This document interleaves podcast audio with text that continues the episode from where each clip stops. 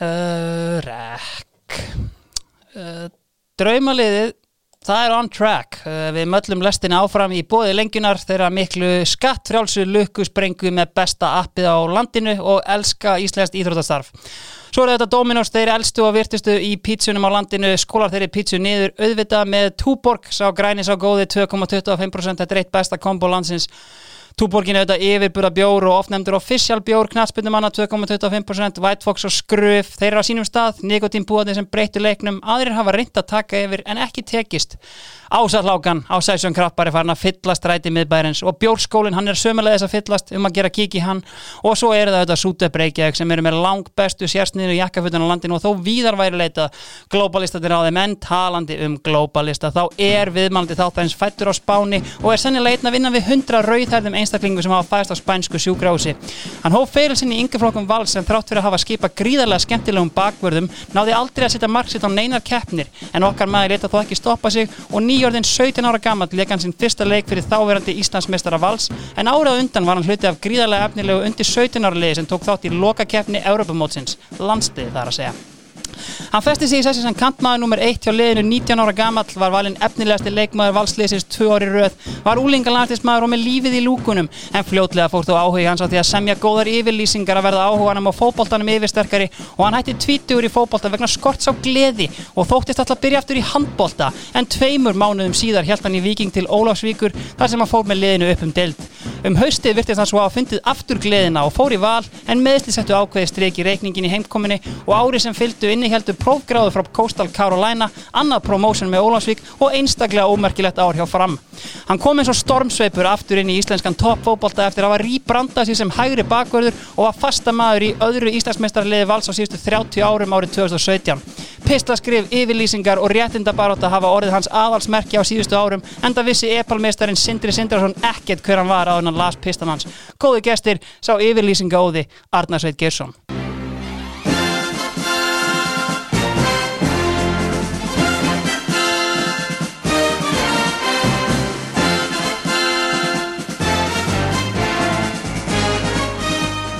Blessa Arnar.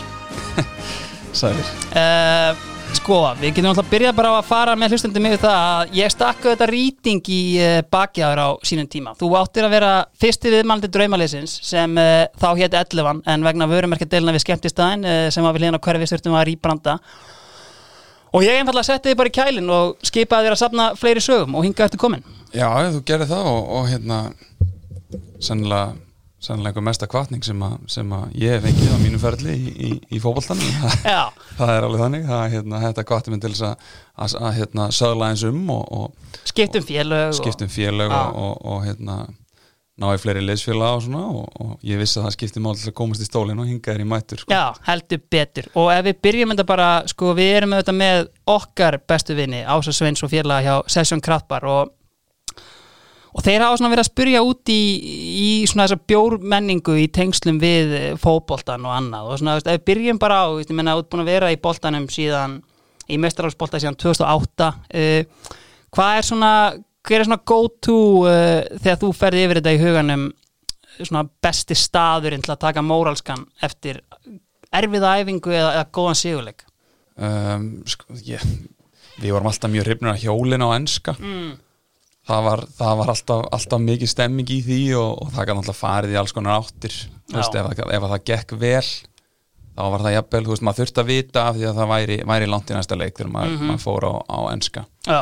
Um, en svona setni árum þá, þá þú veist, fjósið er geggja dæmi sko, ef þú ert í vala þá er það alveg geggja að, hérna, henda sér beint þangað og Jónas með eitthvað pottrétt og, og, og eitthvað sko, það er, hérna, það er heldur gott en, en enski hjólið, það er já, flott. ég get alveg tekið undir það Sko, ég meina, ef við förum þá bara yfir þetta uh, Byrjar þarna í mestalokk vals 2008 síðan þá er þetta Valur, Víkingur Ólasvík Valur aftur Víkingur Ólasvík aftur Fram Valur aftur Breiðablik, fylgir Þetta eru haugur af leikmönnum uh, Myndur þú segja að það hafi verið erfitt val?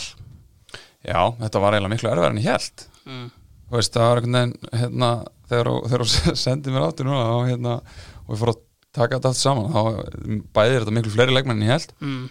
og svo bara kemur eiginlega óvart hvað ég er búin að spila mikið góða leikunum að, hérna, það, var, það var alveg smá vissin að, hérna, að, að velja úr og, og ég er ekkit, ég er endilega viss um að, að þetta sé endilega 100% rétt lið sko, en þetta er rétt bara akkurat núna og, og, mm. Margir góður á bekknum. Öflugur bekkur.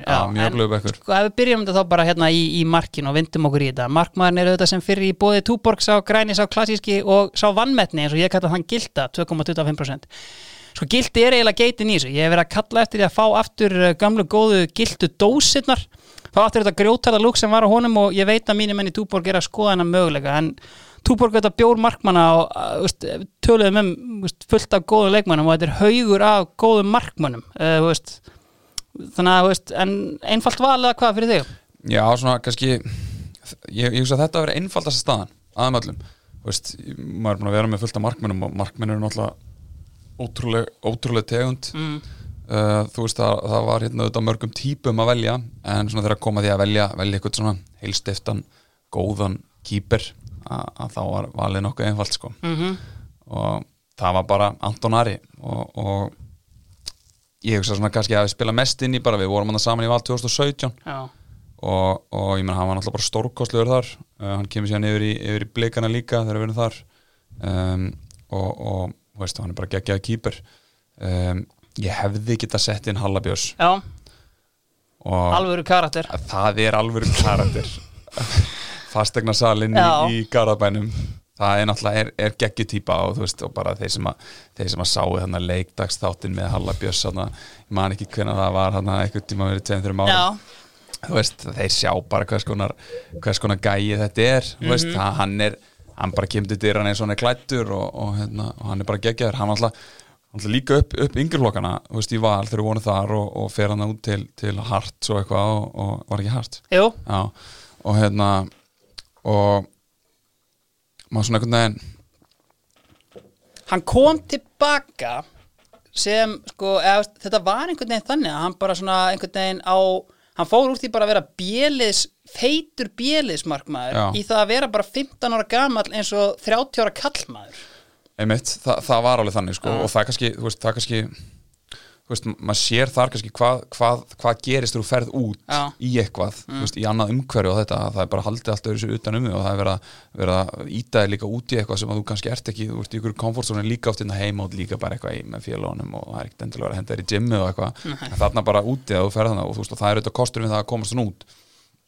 En, en en ég maður bara, maður bara eftir myndinni þannig þegar hérna, var sænaður aftur í val og myndin hann á hann fyrir utan, utan hlýðar enda, veist, hann, er, hann er alltaf svona frekar flashy, finnst það alveg skemmtilegt veist, svona alltaf, alltaf klæði sér alltaf svona nokkuð skemmtilega og hann var mættur hann í, í undirskrift hann á hlýðar enda í jakkafötum fór síðan í, í stutterma hérna, markmanns treyjuna yfir jakkafötun þetta enda ekki, ekki sem neitt mjög, mjög töff mynd sko. En, en þú veist, en Halli er bara Halli er mikill karakter og, og, hérna, og bara mjög skemmtlegur, skemmtlegur gaur. Hann er, að, hérna, hann er, er alveg getað verið hann mm mm annar maður sem að mögulega geta verið þarna sko sjómaðurinn síkáti Einar Hjörleifsson sem spilaði með í Ólasík það hlýtur nú að vera alvöru karakter. Já, geggjaði gæ ég, já, ég, þú veist það er náttúrulega bara það er bara sveita maður það er oft talað um einhvern veginn og ég hef einhvern veginn ekkert fengið úr því skori hvort sé satt eða ekki sko að stundum voru bara túrar og hann annarkort bara hérna rétt náði land fyrir æfingu eða, eða bara ekkert. Já, það kom bara fyrir að, hérna, þú veist, æfing byrjaði og, og hann jafnvel kom þegar hann var kannski svona 15-20 minnur búnar uh, eða bara hann kom ekki. Og þá var bara, þú veist, þá var bara eitt kýper á æfingu að því, ég meina Ólasík var kannski ekki með, hérna, með, með lagar af markmennum Nei. hann á, á, á, á, hold. Næ, þannig að hérna að ef maður mætti ekki að þá var bara miss, vissu menna að hérna, það hefði bara verið að veiðast vel hérna, út, á, út á miðanum og, og það hefði bara og lengst aðeins. nýjan leikmanni í júlíklökunum það var sennilega Sennilega Já. sko, það er alltaf líkitum en hann er alveg geggjur típa og, og, hérna, og þú veist, fáralega drífandi gæi og bara, þú veist, maður dáist það líka þú veist, vera að vinna svona, svona vinnu veist, ég myndi ekki treysta mig bara út á trillu sko, þó að ég væri bara í fríi daga eftir sko. en veist, hann, hann fór í þetta bara hérna, veist, eins og ekkert væri mætir aðengar, var geggjar í markin alltaf mm. og, og, og þú veist, svo bara mikill leiðtögi og drífandi, drífandi gaur sko. Algjörlega. geggjað En þú velur Safe Hands Tony eins og hann er kallaður í Mosulsbænum og sko, náttúrulega gæi sem að hérna lágundir gríðarlegri gaggrinni í fyrra uh, fyrir svona hérna einhvern veginn veist, eða þú veist, gaggrinni og ekki gaggrinni en kannski einhver leiti gaggrinni bara á, á leikstílinu og annað og hvað hann átti að gera og svona en þú veist, en svona þú veist kannski virkar smá svona eins og hann sé aðeins svo mikið inn í sér. Hann vanti kannski aðeins meiri hreðjar í að vera að gera það sem hann á að gera. Eitthvað sem þú tekur undir þar eða? Já, og veist, og ég held að hann viti það alveg sjálfur veist, ég held að, held að hérna þetta með eins og, eins og þú nefnir bara þetta er, að einhverju leiti er þetta leikstíðin líka hann í fyrra um, en hann er samt líka spilandi getu. Veist, hann er það. Og, og, veist, og jafnvel hann er veist, eins og hann er geggjaður í löpunum og hann síndi það ofta köflum og það samt finnst mér hann ekki vera að sína það sem hann raunverulega nei, getur. mitt um, og, og síðan kemur bara vörslum og öðru, hann, hann er geggjaður á milli stangana en svona kannski það sem hefur skort er akkurat þetta sem þú talar, svona þetta presence þetta svona, þú veist að hérna, þú veist á hann fyrir aftæði og, og hann er bara að fara að geta bolta sem kemur inn í bóksi Mm. það er svona kannski það sem vantar hjá og, og ég, þú veist það er oft þannig að sumir eru bara með það og sumir ekki og það er oft bara getur erfitt að, að kenna það. Já, já, en, en, en ég hef fulla trú á því að, að hérna, þú veist, með eitt ár undir beltinu þannig núna, þú veist, í þessu kerfi uh, í þessum, þessari, þessum stíl að, að hann verði, verði hérna, helviti þéttur þéttur núna sko. Algjörlega. Sko, ef við förum bara aðeins hérna, uh, aftur í tíman, eins og ég kom inn á hann fyrstu leikirnir, eða fyrsti leikurinn er þarna 2008, uh, Viljum er í leita marki á móti Káer, tekur gumma ben út af, setur 17 ára Arnarsvein Gersson inn á. Sko á þessum tíma þá ertu þá ertu bæði uh, Óskabjarni er búin að kalla þig þarna inn í, í mestarflokkin í handbolta. Og hérna og Valur á þessum tíma var og svo sem ekkert bara á þessum tíma en þeir elska ekkert að give you the chance. Mm upplýður á einhvern hátt að þetta væri slagur á melli deildana eftir að mestarflokkurinn í handbolta er búin að kalla þið inn þarna? Um, Já, það kom alveg svolítið þannig sko. Um, Þú veist, ég er náttúrulega að spila í þessari sömu viku þá spila ég fyrsta mestarflokkin í handbolta og hóbolta og um, það verður alveg til svona smá rígur. Já þarna. Þetta var ekki fyrsta skipti, náttúrulega eftirminnilega Anton Rúnarsson uh, skrifaði þetta undir þryggjára samning við knaspinu félagi val og, og, og rifti honum viku setna, Já, þannig að veist, þetta þekktist alveg sko. Já, þetta þekktist alveg og, veist, og, þarna, ég meina, þarna er auðvitað bara þú veist, ég meina þarna bara er, er allt í einu bara tvær deildir að, hérna, að rífast um, um einhverja leikmenn sem að þeir telja að geti hjálpa sér og, og geta orðið góða leikmenn fyrir félagið og, og jafnvel einhver söluvara. Og, og, og ég meina þá auðvitað verður þá til einhver rígur þótt að sé sama félag og allt þetta en þú veist, ég veit það ekki það, veist, þetta, þetta þetta hjálpar ekkit ungum leikmannin eitt Nei, að vera allt í nú komin í þessa klemmu og, og þú veist og það var bara strax farið út í það að, að, hérna, að byrja að pressa á mann að velja þú veist og alltaf og þetta er það bara síðan líka ég meina, kannski er það bara eina vitið og þarfst að vera að velja okkur mákunum tímpúti átt 17 ára vissulega og ég er orðin 17 Já. og er 12 ára þannig Nei. bara einhver, einhver, einhver undra krakki sko. en, en þú veist, enga síður að, að þú veist, ég held einhvern veginn farvegurinn þú veist, ef þú ert ekki, þú ert ekki sjálfur einhvern veginn búin að velja þú veist, þarftu þá ekki bara einhvern aðeins meiri tíma eða, þú veist, er ekki að gefa þér smá eitthvað veist, það var ekki líka eins og þú veist, tímbili í fótboltanum var að klárast mm, þú veist, það hefði ekki drepið á að, að hérna, ég hefði kannski spila bara hann um haustið og, og, veist, og fram að jólum og eitthvað, ég man ekki svona, kannski gerði ég það nei, ég man það ekki. Mm að þú veist, það, það hefði ekki drepið á bara að leifa þessi bara gerast já þú veist, í staðan fyrir að búa til ykkur pressu af því að 17 ára gaur. En þú upplýðir þessa innáskiptingu klála sem lið í þessu? Já, ég held þessi innarskipting hafi bara verið það. Já, ég held það sko, Mhm. við vorum að spyrja Viljum bara Svo- Já, ég meina sko, Willum var gæi, ég meina, þú veist, hérna, svo komum bara hreint fram. Við förum auðvitað upp í gegnum alla yngri flokka saman. Willum var maður sem ég sá aldrei á æfingarsæðinu, hann var aldrei á leikjum.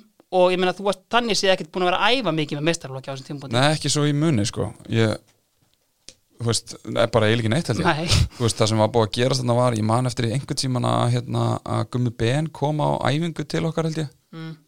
og, og hérna var eitthvað, þú veist, með eitthvað skotæfingu eitthvað. Og það er svona einhver minning mín af mestarflokki einhvern veginn svona eitthvað.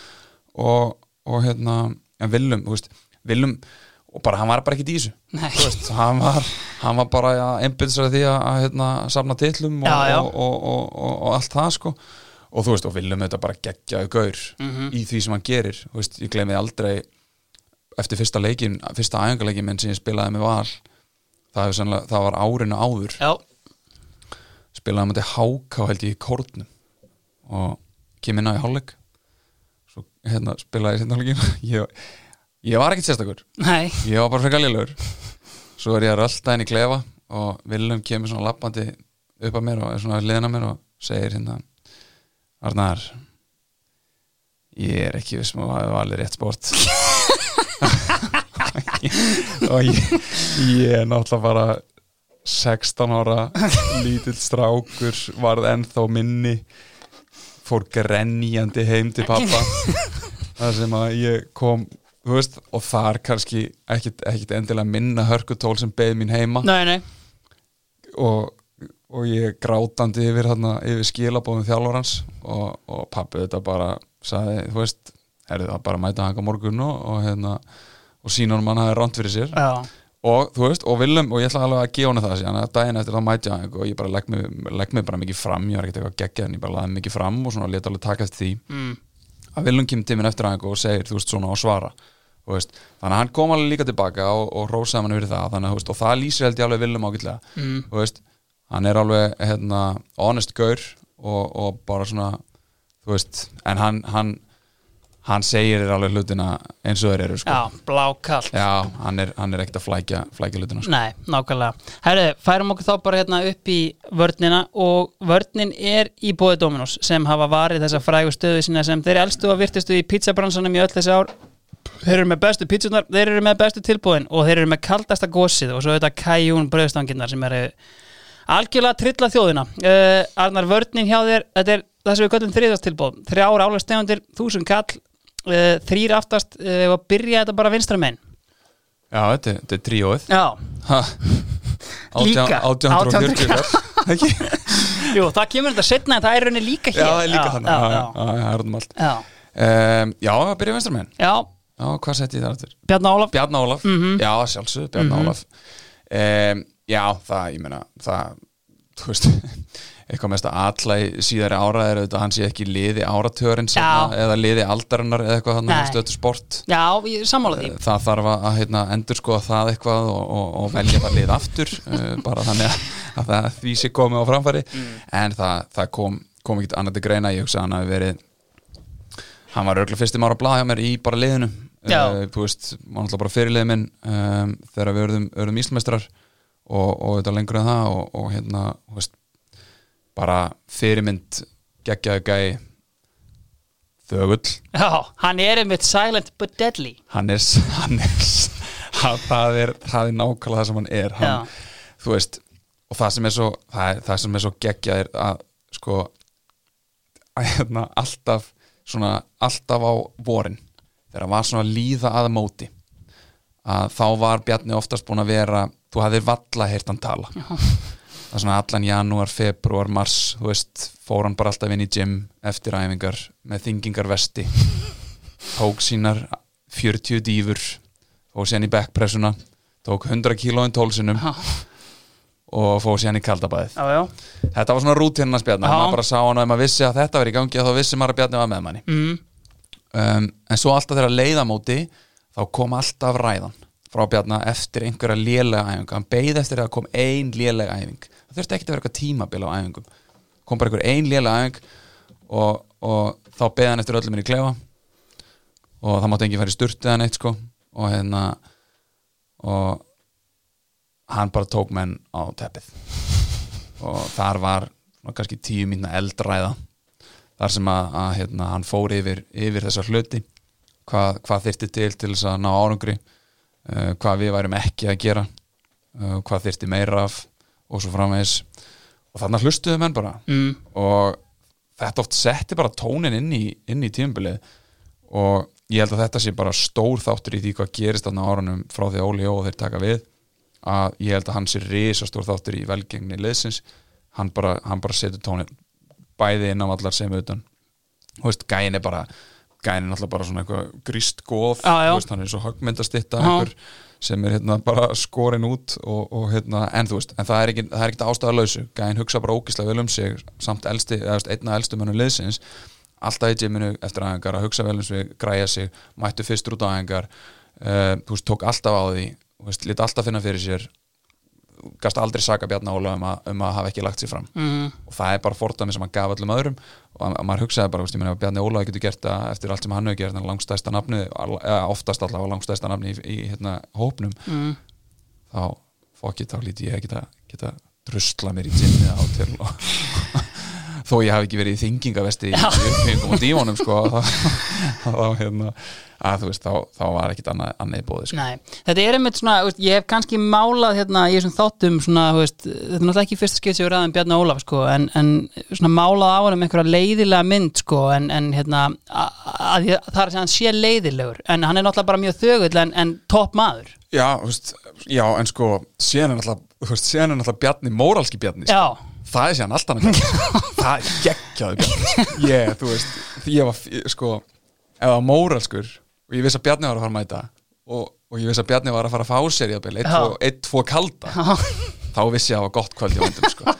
það er sko hann er, hann, þú veist, þannig að þar þú veist, þar líka kemur einhver allt önnur hlið á honum. En þú veist, en, en, en í hlutverkinu fótboltamaður, þú veist, þegar hann var í kringum lið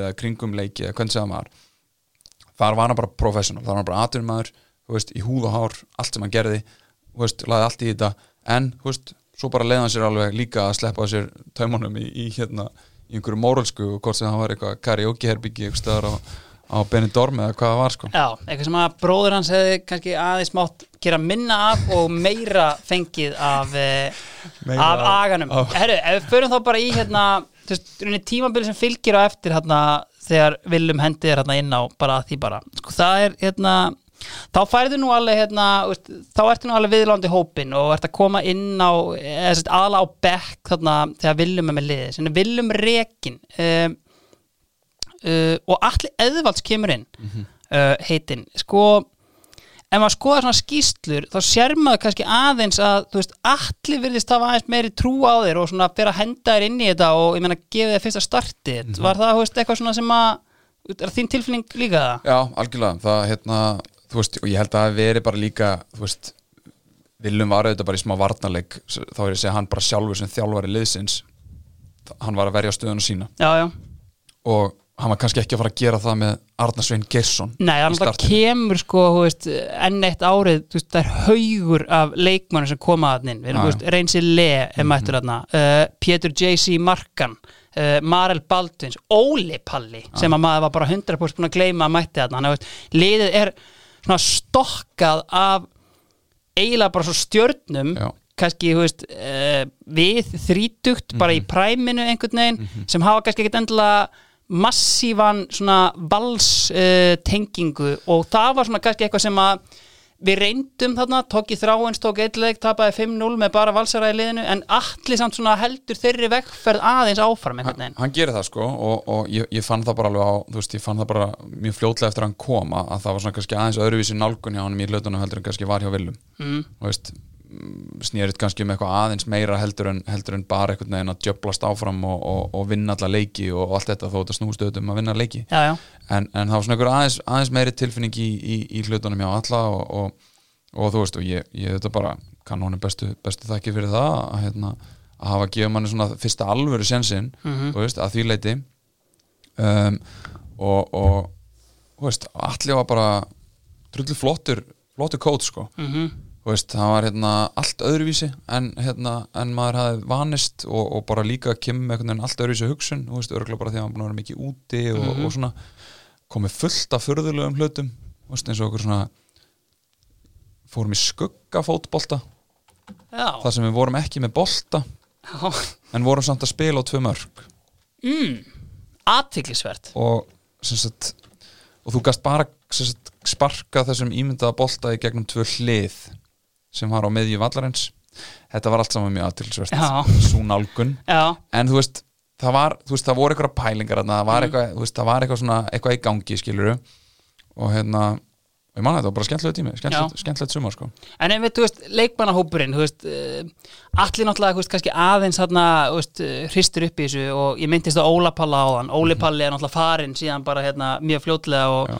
Greið Mattías Guðmundsson þarf að yfirgefa tilvonandi Íslandsmeistara F og að mæta eitt og þrótt sem valur var orðið, veist, og með alla þessa gauðra eins og ég segi, pottit á svimandi samningum þannig séð sama um val einhvern veginn, þú veist, hvernig var bara stemmingin inn í klefanum á það? þú veist veist, stemming í, í, í fótbolta finnst mér alltaf að vera, mér, mér finnst hann alltaf að vera fín.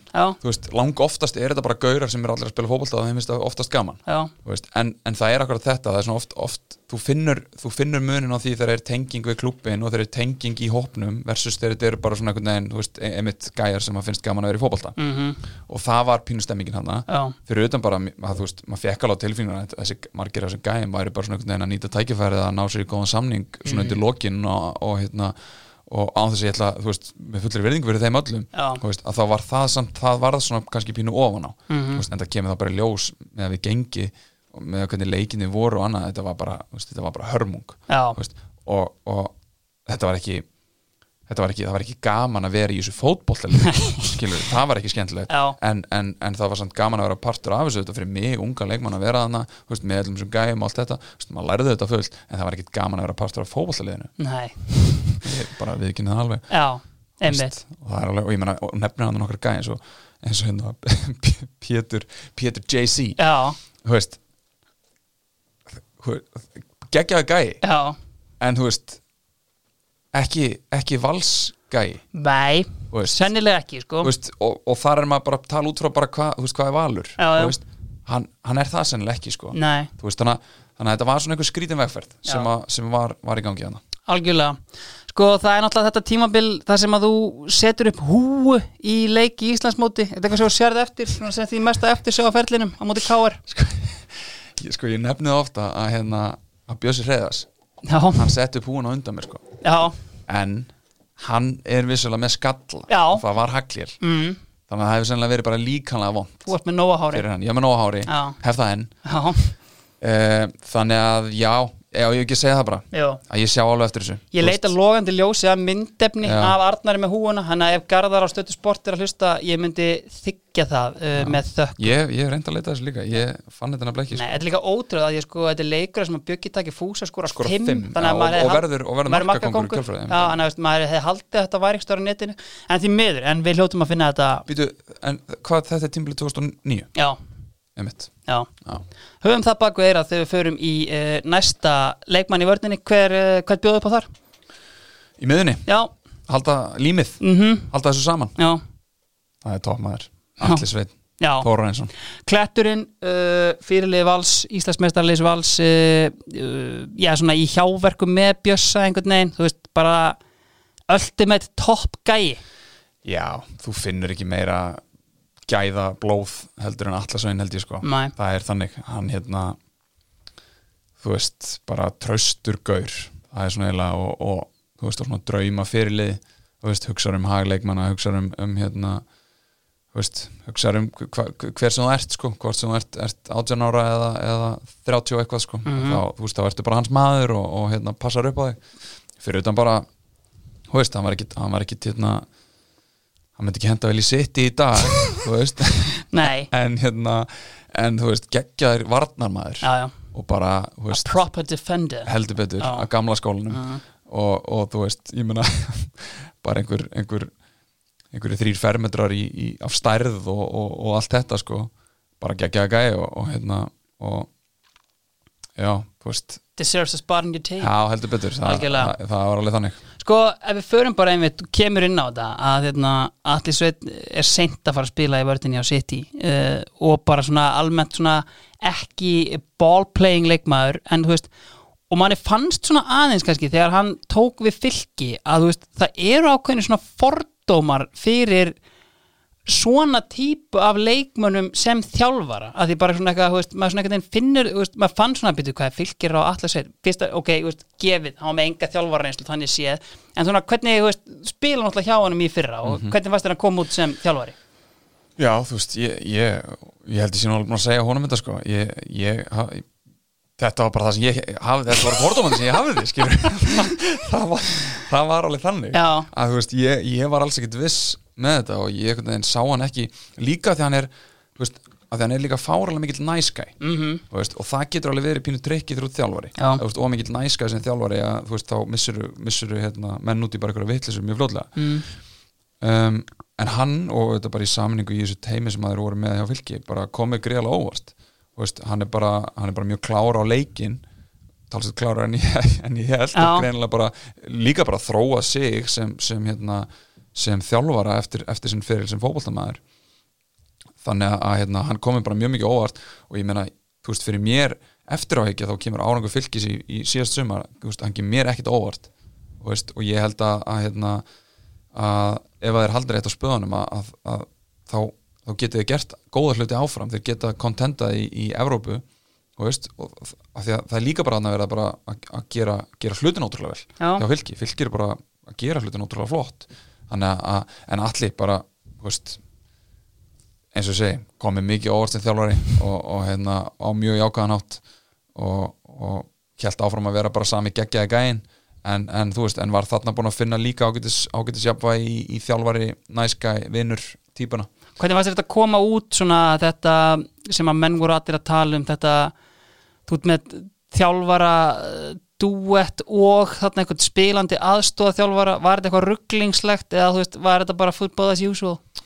mm, Nei, þetta var, þú veist þetta var það ekki sko Þú veist, allavega ég myndi segja að tilfinningi mín var Óli, Óli skúla var, var leikmaður Mm. þú veist, hann var, hann var mikið með okkur inn í klefa og, og, og svo framvegis þú veist, auðvitað var hann á einhverjum stundum okkur fundum með þjálfurinn og allt þetta, en þú veist, maður upplýði hann sem leikmann Mm. um, og svo var þetta dúi Óli Stíks Allisveit að, að þar bara, veist, þar voru þeir bara ná mjög góðan balans í það hvenar einn var á fronta og hinn ekki og svo framvegis, en þeir skiptuðu alveg svolítið með sér Já. þannig að þú varst ekkit endilega viss um hver væri endilega Var þetta good cup, bad cup eða? mm, Nei Nei, Allisveit er alltaf, hann er alltaf góð sko. hann var allavega ekki the bad þú veist, Nei. en, en, en þetta var bara þetta var bara gott jafnvæg sem, að- sem að þeir voru búin að búa til hana mm ég hef auglist fylki þetta sem mikið svona fjölskylduklúb uh, spila nánast alltaf á uh, 15 af 20 leikmönnum á heimamönnum um, þú veist, upplifið þú þetta sem þú veist, þetta, þú veist, þetta er veist, þetta er fylkir, þetta er, þetta er bara árbærin einhvern veginn og veist, það eru allir með í þessu, en finnst þér þetta að einhverju leiti finnst þér þetta kostur eða galli, þú veist, sérðu þetta aftra liðinu á einhvern hátt eða er þetta bara geggjað? um, sko um, þú veist, það, er svona, það var alveg svona smá stemming eins og ég væri út á landi. Já, já. þú veist, bara einhvern veginn einmitt, bæ- bæ- bærin einhvern veginn á, á bakina Já, en sko þetta, ég held að þetta hafi verið orðin ókostur. Mhm, ég held að það hafi verið orðin ókostur að því leiti að, að, hérna, að þetta var orðið ofrendli það var of þægilegt að vera í fylki. Mhm, kröfunar voru of litlar. Um, og það var bara ekki veist, það, það var ekki verið að byggja leikmennina um að, að vera fótboltamenn í úrvalstild í, og, og, og þeir ætlaði að gera eitthvað. Já, heldur var þetta bara einhvern veginn herfi inn bara í með þetta er bara næs, maður, reytur á spil og, og eitthvað svona, já, Já. þú veist. Og, og það var, það var alveg svolítið tilfinningin ekki endilega þegar ég kem en, en það er svona það sem ég heyri þegar ég kem þetta Já. var orðið svolítið þannig. Mhm, og þetta var bara gengið líka svolítið þannig var, maður vissi bara alltaf að fylki var að fara enda í 8, 9, 10 Já. eitthvað, þú veist, maður vissi að þeir væri sennilega ekki að fara að falla mm, en þeir voru aldrei að fara að vera að gera nokkuð skapa hlut. Nei, nei, og ég held að Atlisveit og, og, og, og þeir, þeir koma inn með svona alveg ákveðin Atlisveit kemur náttúrulega úr stjörnunni þú veist, nú er þá þjálfari þar og, og, hérna, og færi auðvitað aðeins þar í aðeins svona einhvern veginn, örgulega eitthvað smá þaðan. Fyrir utan bara, þú veist, hann var auðvitað líka leikmaður bara hjá góðum liðum og veit hvað þar til. Og, og hérna og alveg þáttur í því held ég að ná í mig líka var alveg svona þessi pæling þú veist, að fá þessa hluti aðeins upp á hæra level en þegar ég kem að það þá eru bara allir gæðandi komnir í það að, veist, þeir vilja það. En það tekur alltaf bara smá tíma að komast í þetta. Veist, að búa til hann kultúr sem það þarf til en sérstaklega bara hann æfingakultúr að kultúrun sé þannig við erum að mæta aðeins fyrir út á völl við erum ekki að mæta hérna á slæginu þegar æfingin er að byrja. Þú veist, við erum klárir. Ef þú þarfst að teipa það þá gerir það fyrr. Bara svona þessi litlu atriði sem búa það til bara, þú veist, tempo á æfingunni sjálfri, skiptingu milli, milli þess að við erum í sendingang og förum í spil, veist, allt þetta. Bara þetta sé í það, veist, ef, ef, ef að þetta er í lagi, þá getur þú gert eitthvað. Ef ekki, þá getur þú glemt í að gera eitthvað í íslensku deildinni, já, það er bara þú getur bara glemt í klálega. Sko stjarnar fylgis í fyrra uh, seldur á miður tíðanbili Valdimar Þór, Ingi Myndarsson svona, veist, hversu langt heldur að sákaði getið náð? Hann getur nátt mjög langt, já, það er bara þannig. Þú veist, hann er bara með geggja hugafar og, og mikla hæfilega þetta en, en ég held, ég, veist, ég byggja aðla bara því að hann er bara með, með drullu flott hugafar mm, veist, og ég held að það skipti langmestu máli ef þú ert með veist, ef þú kemst út og það ertu auðvitað með hæfileika. Þannig að, þá er spurningin er hausinn með þér? Og hann er að vinna með valda í, í, í því sko. Algjörlega. Þannig ég held að, held að hann fara langt. Já, klárt mál. Herru, hver uh, lokar vörninni hérna hjá þér? um, Það er hann, hann hérna Eyja maður, Já, Eyja Pegi já, Eyður Aron. Já, einmitt Sko maður sem að hérna mætir bara með sín flúr og, og er uh, klettarður en náttúrulega þetta bara uh, sennilega besti hafsend íslensku deildarinn að síðustu 10-20 árin. Já, ég, ég myndi segja það. Ég held að það sé ekkit, ekkit hérna, orðum of aukið sko, að fara þanga ég, þú veist, ég meina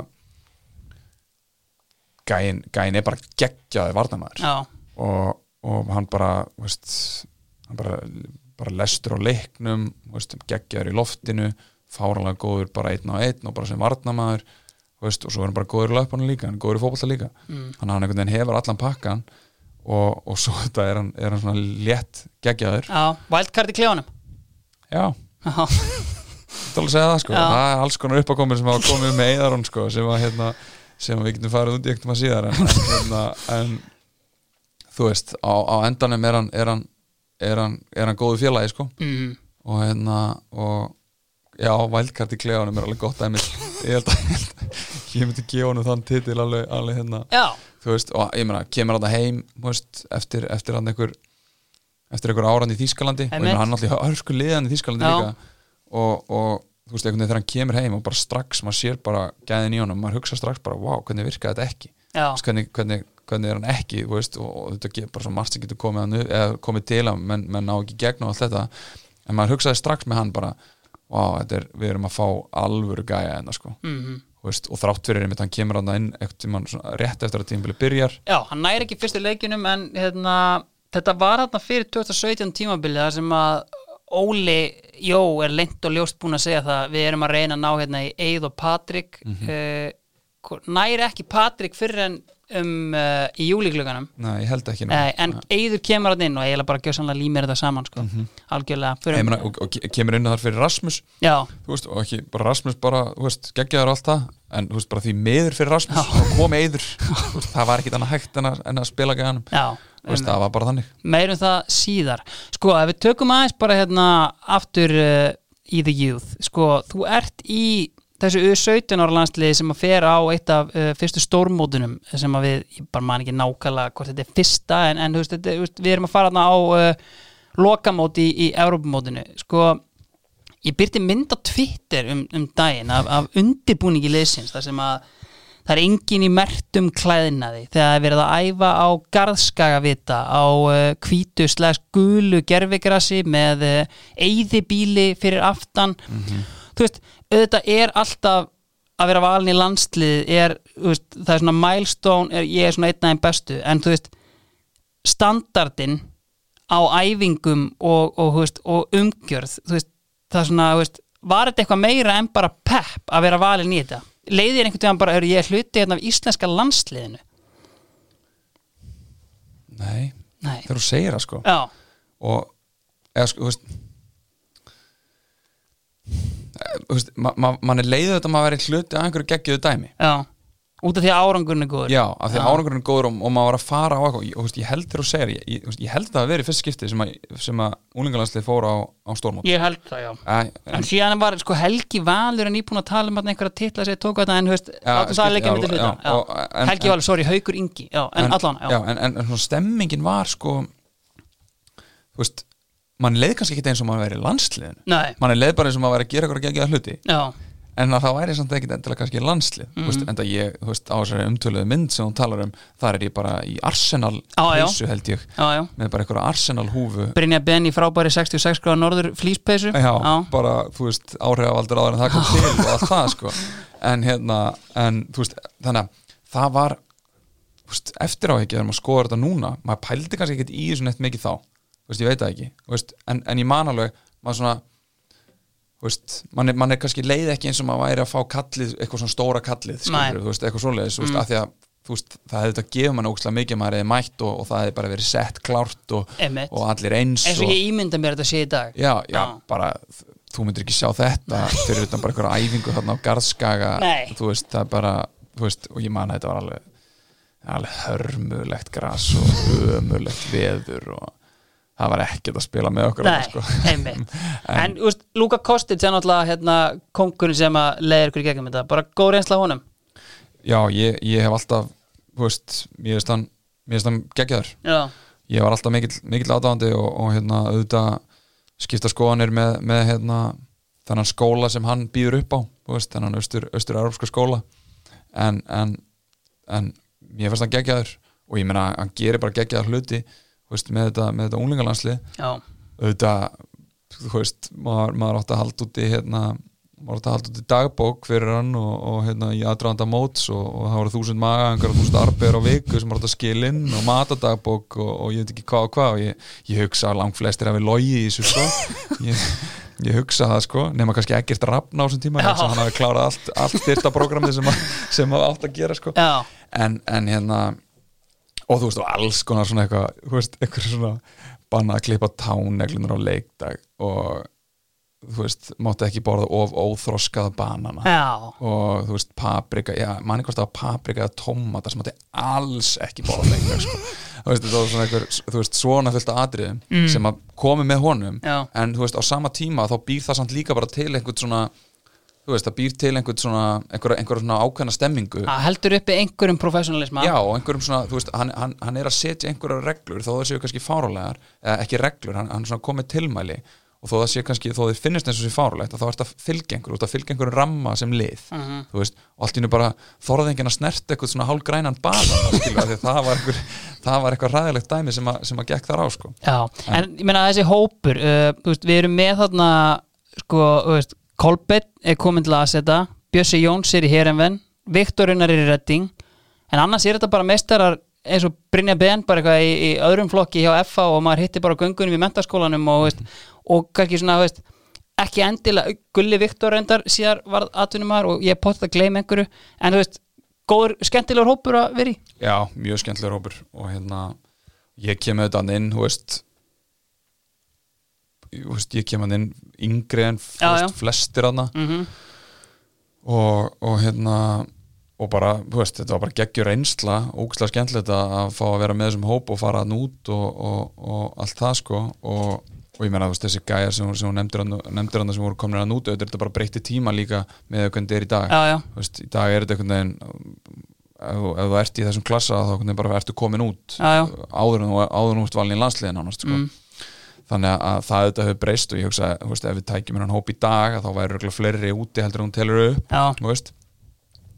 En, en bara geggjaður hópur og, og hérna og náttúrulega bara fáranlega góðir leikmenn það, mm, hvað er bestur þarna?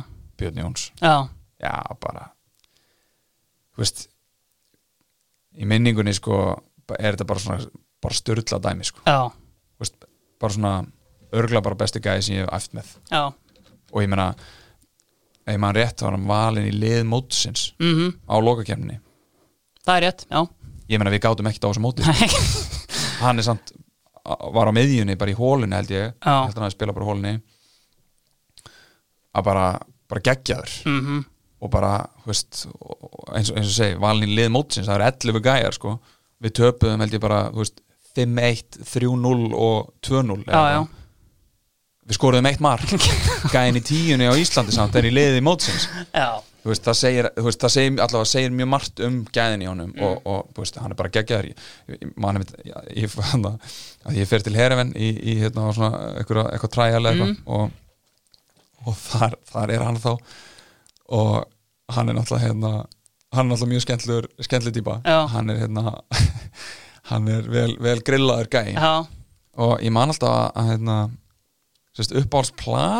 að hérna hérna Já, á þessu tíma var hérna rockplatan hans Lil Wayne. Já, og hann spilaði þetta sko allar stundir í klefan og það voru allir að verða tristir.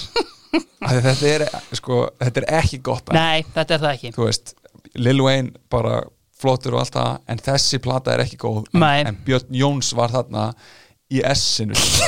Með á, það var, það var heldur gott sko. Nei, nákvæmlega. Sko, einmitt bara svona frá mótinu sjálfu Þið eru náttúrulega, veist, eh, eins og Siggi Helga kom inn á, sko veist, Þetta er, þetta er áttalega mót veist, Þetta er alveg magnað afreikirinn að komast þarna inn og þið eruð í kjölfæri riðli með sko englendingum sem eru með Victor Moses, Danny Welbeck, Danny Rose þá Henry Lansbury sem var gríðarlega efnilegur í Arsenal og hollendingar eru með Wijnaldum, Leroy Fair. Uh, þú kemur hann inn á móti belgum uh, ert búin að vera þrjármyndur inn á vellinu þegar þú brýtur á bent teki og gefur belgum víti. Þú veist, var þetta við algjört ofureflega etið þarna? Já, ég myndi segja það. Þú veist, allavega allavega hvað mig var ég veit ekki ég veit ekki hvort að Bjössi Jóns Bjössi Jóns og Kolli hafi verið bara ógæslega pyrraðir á öllum öðrum hann og, hérna, veist, en allavega fyrir mig ég meina, veist, bara Ben Teke var var bara skeppna á þessum tíma líka eins og í dag og, og þú veist, Hazard er þarna Hazard var hann Mm. þú veist, ég man líka bara til spænska leðin, þetta er geða í markinu Já, og hérna, Bojan þá sko, geitin geggjaður sko.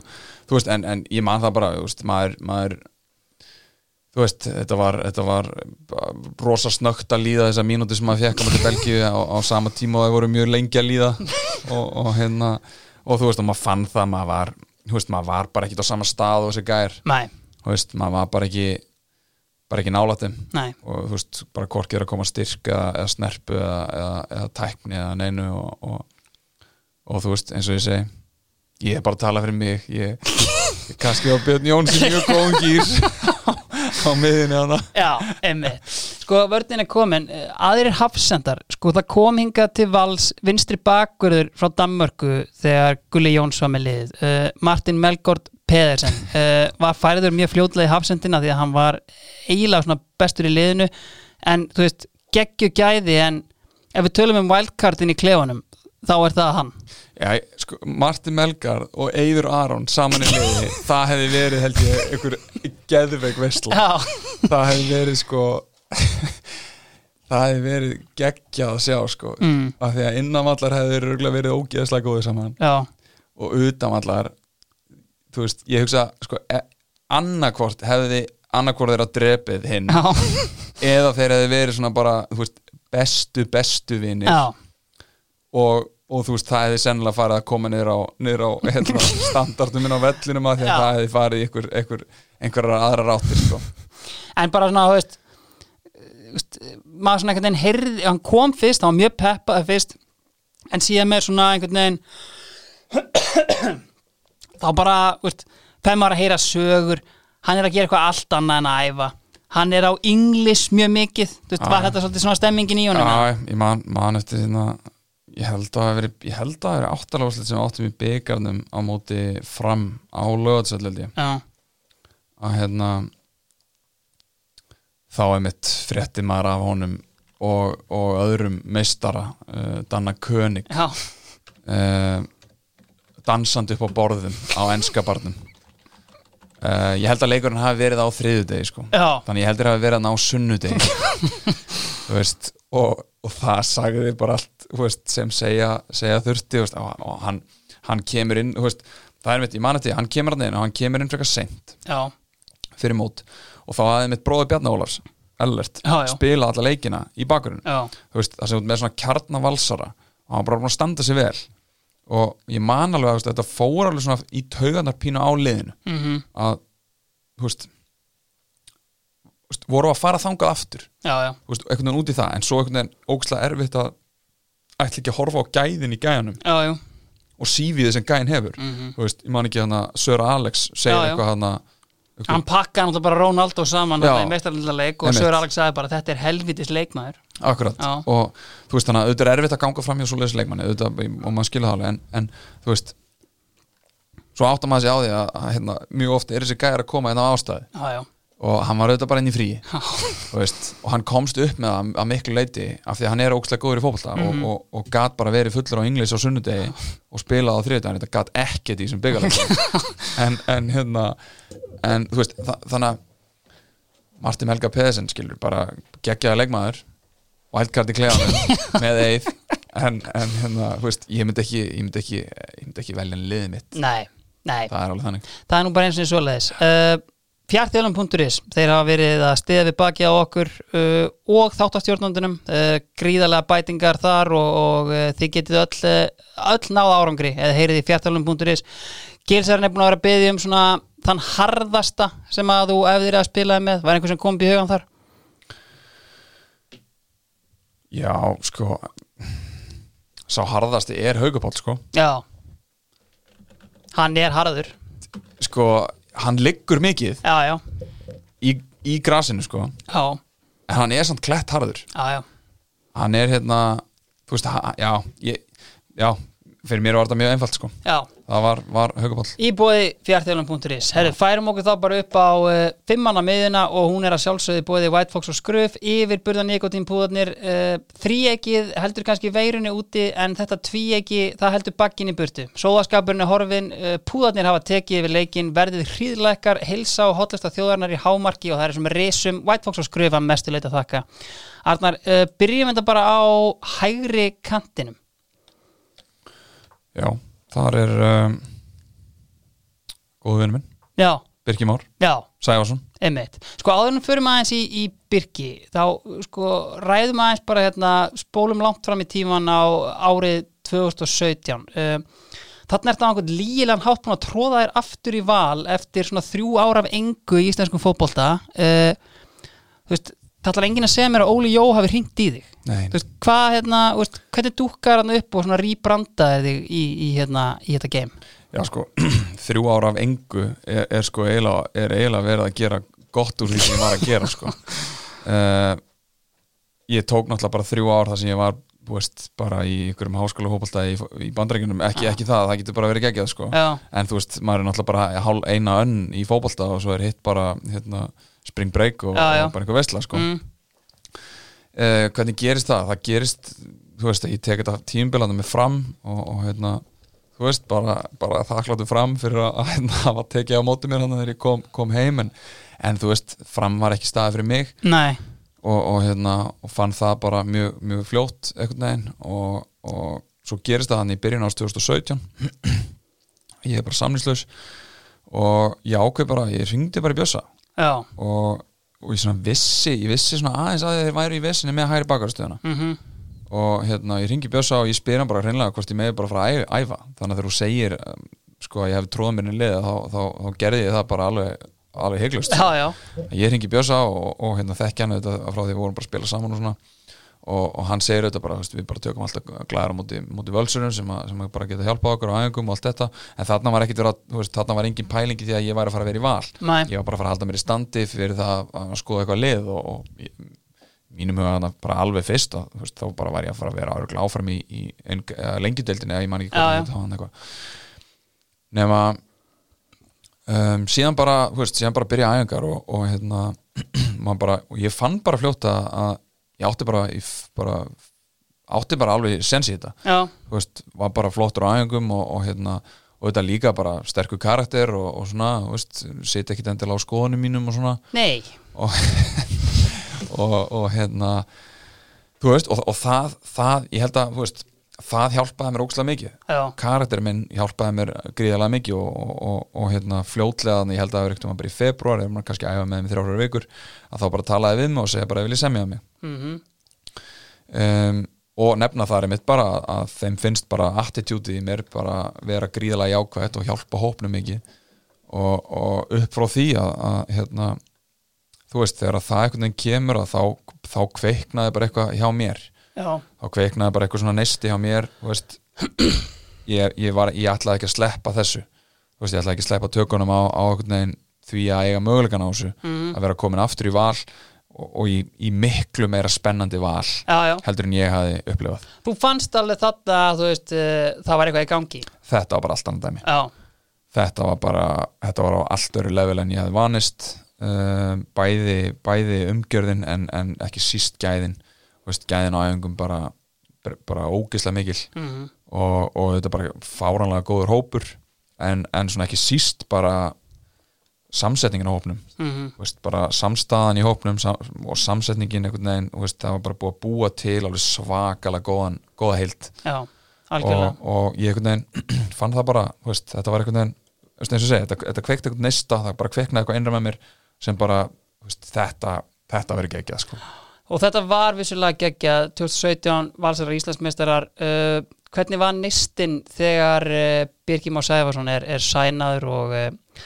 þú kannski áttar þig á að uh, það er komin hann annar hægri bakur? Já, þú veist, það var, það var bara drullu, drullu erfitt sko. Það var, það var hérna bara mjög, mjög svekkjandi veist, fyrir mig, já, að ég vissi alveg hvað þetta þýtti já, og hérna, en á sama tíma að, að þá gæti ég ekki sagt neitt. Nei, nei veist, þetta var bara Birkir Már Sæfarsson uppalinn valsari 90 landslismæður landsleikir.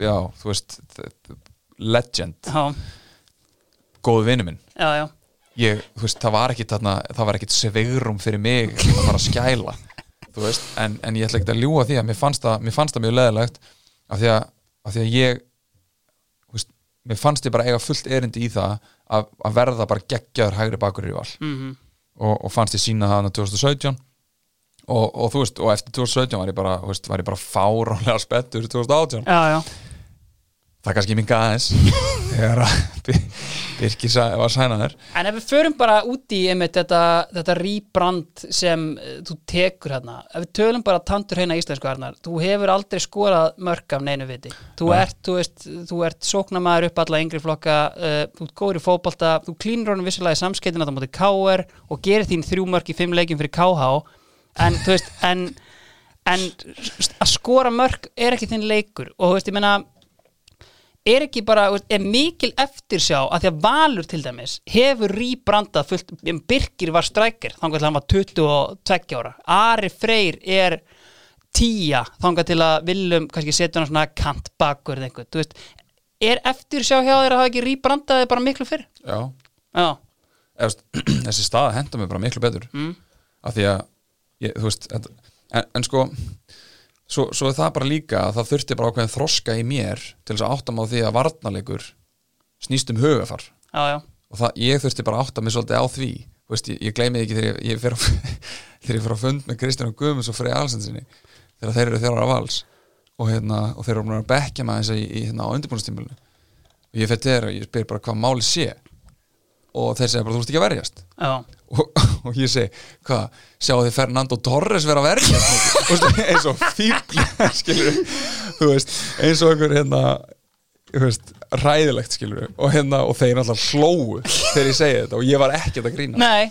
En hérna, en, en þú veist það, það þurfti þetta bara svona smá þannig líka að maður þurfti að átta sig á því að, að hérna og, og, þá kemur ljós, ég er bara góðu varnamæður ég er eiginlega er ég eiginlega betri varnalega heldur en ég er sóknarlega sem bakurur en ég græði þetta svo mikið á því að hafa verið kantmaður veist, og, og típan af kantmaður sem ég var, sem var bara svona power kantmaður veist, bara og, og það er alveg rétt sem hún segir með mörkin, veist, fyrir mér var alltaf ég var kannski bara svolítið hrættu að skora mörk líka mm. veist, það var, var alveg svolítið bara hugafar ég held að Magni Famberg undir það. Já, veist, ég var alveg hrættu við að það að skora mörk já, hann myndi potið en, en, en fannst til mér ógæslega gaman að leggja upp mörg og, veist, og það hendar alveg bakverðið mjög vel já, já. að vera í því mm.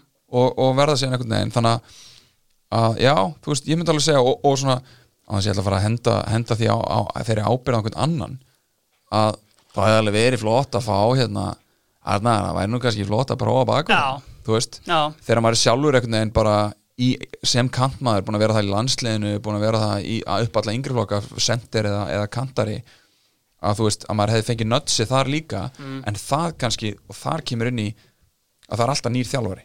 Já, já, sem einhvern veginn kannski kynnist manni aldrei það vel að hann geti farið að eitthvað með mann og móta mann upp á, á okkur nýjan hátt. Já, algjörlega. Sko ef við tökum þá aðeins bara hérna, förum aftur í, í góða tímaröð. Uh, 2010 þá tekur Gunnlaugur Jónsson við liðinu. Uh, Valur rænir honum hérna frá Selfossi og hérna eins og ég kom inn á hann, 2009 tímabilið þú veist, Atli Eðvalds er með þetta hérna, Vals Project í gangi fáin eh, að spila eitthvað á völsurum reynda að spila eitthvað á Arnæri og Bjarka Gunnlaugsinni sem vera seintaldi valsarar en, en þú veist, það er svona í gangi en þú veist, mín tilfinning þetta ár er sko bara þú veist, þú ert bara á leiðinni með mér til Póllands og Ólanjáli þú veist, bara í apríl. Og þú veist, þú ert ekkert að fara að spila. Þú veist, þú ert bara, veist, en, en svo bara hvað gerist eiginlega? sko, uh, í minningunni meiðist einhver. Gæti verið. Hvort það hafi verið hérna það meiðist einhver sko. Já, hver meiðist? Er Matti hana? Matti Balli Kúta? Nei, Balli Kúta er farin. Sko, Balli Kúta, nei, Balli Kúta getur hann alveg verið hann sko Já, Hann getur hann alveg meðist Já. Já. Ég held Hann er hann, hann í Viking 2011 er uh, í Excel-skjálinu A-leikmaður hjá leikarás Ale- en, en hérna, en já, Balli Kúta getur alveg meðist það var allavega, það kom, það kom bara Já. rétt fyrir mót ég var eiginlega ekki með að spila neitt á undirbúrstíminu nei, nei, nei. og ég var búin að vera bara í viðræðum hann rétt áður Mm. um það að ég væri að fara á láni Mm. Og, og þær viðræður voru bara komnar, komnar frekar langt.